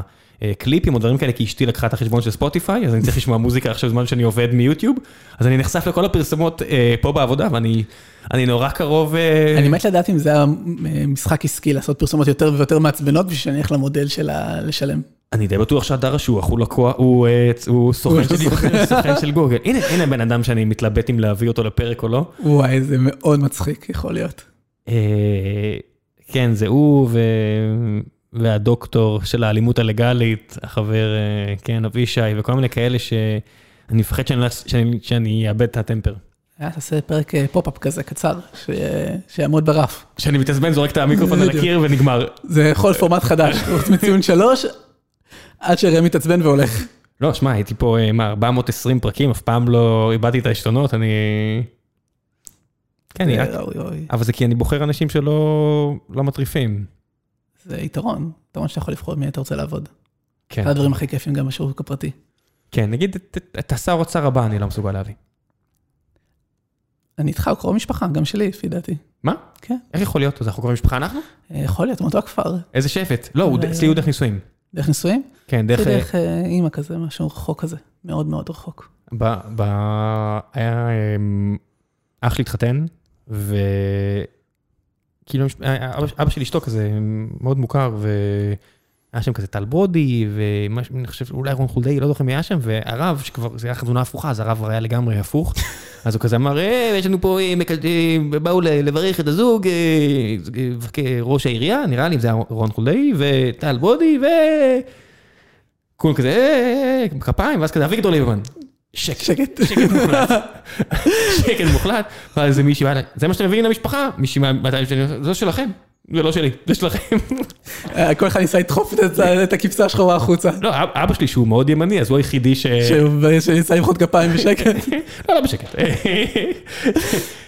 כן, מאוד קשה לי עם השמות נגדו. זאת אומרת, אני מבין שבית המשפט לא הרשיע, אבל יש דברים שאני פשוט לא יכול... זאת אומרת, אם הבן אדם רוצה לשבת פה ולהגיד לי למה לבת שלו בת ה-20 מיליוני דולרים, אני, ברור שאני אסכים להריח, אבל כיוון שאני יודע שהשאלה הזאת לא יכולה לעלות. אבל זו שאלה מאוד, אתה יודע, אם אנחנו מאמינים למערכות האלה ורוצים להאמין למערכות האלה, ובאמת, כל מה שאמרת על חדשות וכתבות חוקרות והכל, אני לא מסוגל... זאת אומרת, נגיד מישהו כמו אהוד ברק, שהייתי מת להריח אותו, וניסיתי כל כך הרבה דרכים לעשות, להביא אותו, כי הוא נראה לי בן אדם מרתק, ולא זכיתי לדבר איתו יותר ממשפט שתיים איפשהו אף פעם. ועדיין, העניין של מיליוני דולרים ל... פרויקטים, עכשיו עושה הרבה כסף, ראית? אז קנאביס וכאלה, בסדר, אני מבין, כולם עושים, אבל כאילו, כולם, לא אני, אנשים שמעורבבים שם, אבל שהוא מקבל מיליוני דולרים על איזה חוות דעת על המזרח התיכון, כאילו, אחי, זה לא עובר לי בגרון. תסביר לי מה עשית, אני מבין צנעת הפרט, וזה באמת כאדם פרטי. אבל אני חושב שזה קצת שונה, כי אתה ליברמן זה באמת אירוע שהיה פלילי, והחקירות והכל, ברק, אתה יודע, עוד לא הוכח שלא. חצי מהמפלגה שם בכלא. זאת אומרת, אני לא אגיד דברים אחרים שאנשים אמרו לי, כי זה ממש לכאורה, ויש גם ספר, אביה וולף כתב ספר, אני- אה, כתבה. ויה זה בחורה, נכון? כתבה, כתבה, כתבה. כתבה ספר. אני רוצה גם להביא אותה, אה, כדי שהיא תגיד את הדברים שאני לא יכול להגיד ששמעתי, וגם שאני לא רוצה שמישהו יזרוק אותי לתא מטען וימצאו, אבל לכאורה, לפי פרסומים הנהג זרים, נסע, לא הגיע אף פעם ליעד. כביכול, נהג שנעלם, אבל אני מסתכל עליהם, אני לא יכול לקבל את זה, אתה מבין? אני לא יכול- אני- אני לא יכול לשבת בחדר עם העניין כזה שיש לי מיקרופון מולי ולא לשאול אותו... אני חושב שזה שעה מרתק, אני חושב שזה שעה מרתקת מה יקרה במשרד האוצר אם הוא יהיה- אם הוא יהיה השר, ולאיפה זה ייקח. אני מקווה לחברים שלי שיהיה להם עמוד שדרה מאוד מאוד חזק. אני לא, אני חושב שהוא יהיה הרבה פחות בעייתי מהנוכחי, אני חושב שפשוט הוא לא יגיע לשום ועידה והוא יתעסק בפוליטיקה שלו, כי הוא נראה לי פוליטיקאי מאוד מיומן. כן, מצד שני גם חושב שהוא מבין טוב מאוד איך, איך להשפיע על אה, פקידים וכל הדברים שקורים. להשפיע על מה? מה. מעניין אותו בכלל? אתה מבין, כאילו מה, מה הוא יעשה פה נישואים אזרחיים? כאילו מה, יוריד את המס לא. למדעני מניה? מה... אני לא יודע, אני חושב שיש דברים שהוא כן היה שמח לקדם, וחלקם גם נכונים. אנא חלקם ערף, לא. כל אין לי עוד מושג, שמועות אומרות ש-20 שנה הוא לא עשה יותר מדי. מה זה שמועות? אנשים שעבדו איתו, פוליטיקאים שישבו פה אמרו לי את זה בלי לציין שמות, אבל... שיהיה לבריאות, וגם יש אנשים שאמרו לי שהוא אחלה. כן. אני, למען הגילוי הנאות, שאמרתי את זה, אמרו לי לא, דווקא הנה ככה וככה אמרו שהוא ממש חד והכל. אז מה אני מבין? אני לא, לא יצא לי לשוחח איתו מעולם, עם עד כמה אירועים משפחתיים שנתקלתי בו, באירועים גדולים כאלה, ומן הסתם שם הוא לא ידבר איתי, כי מי אני בכלל. ופה למיקרופון, אז אני אגיד, אני... אה, שיהיה בהצלחה לכולנו. אין לי עוד אזרחות, אז כדאי שהם יעשו משהו טוב. יאללה ביי. ביי.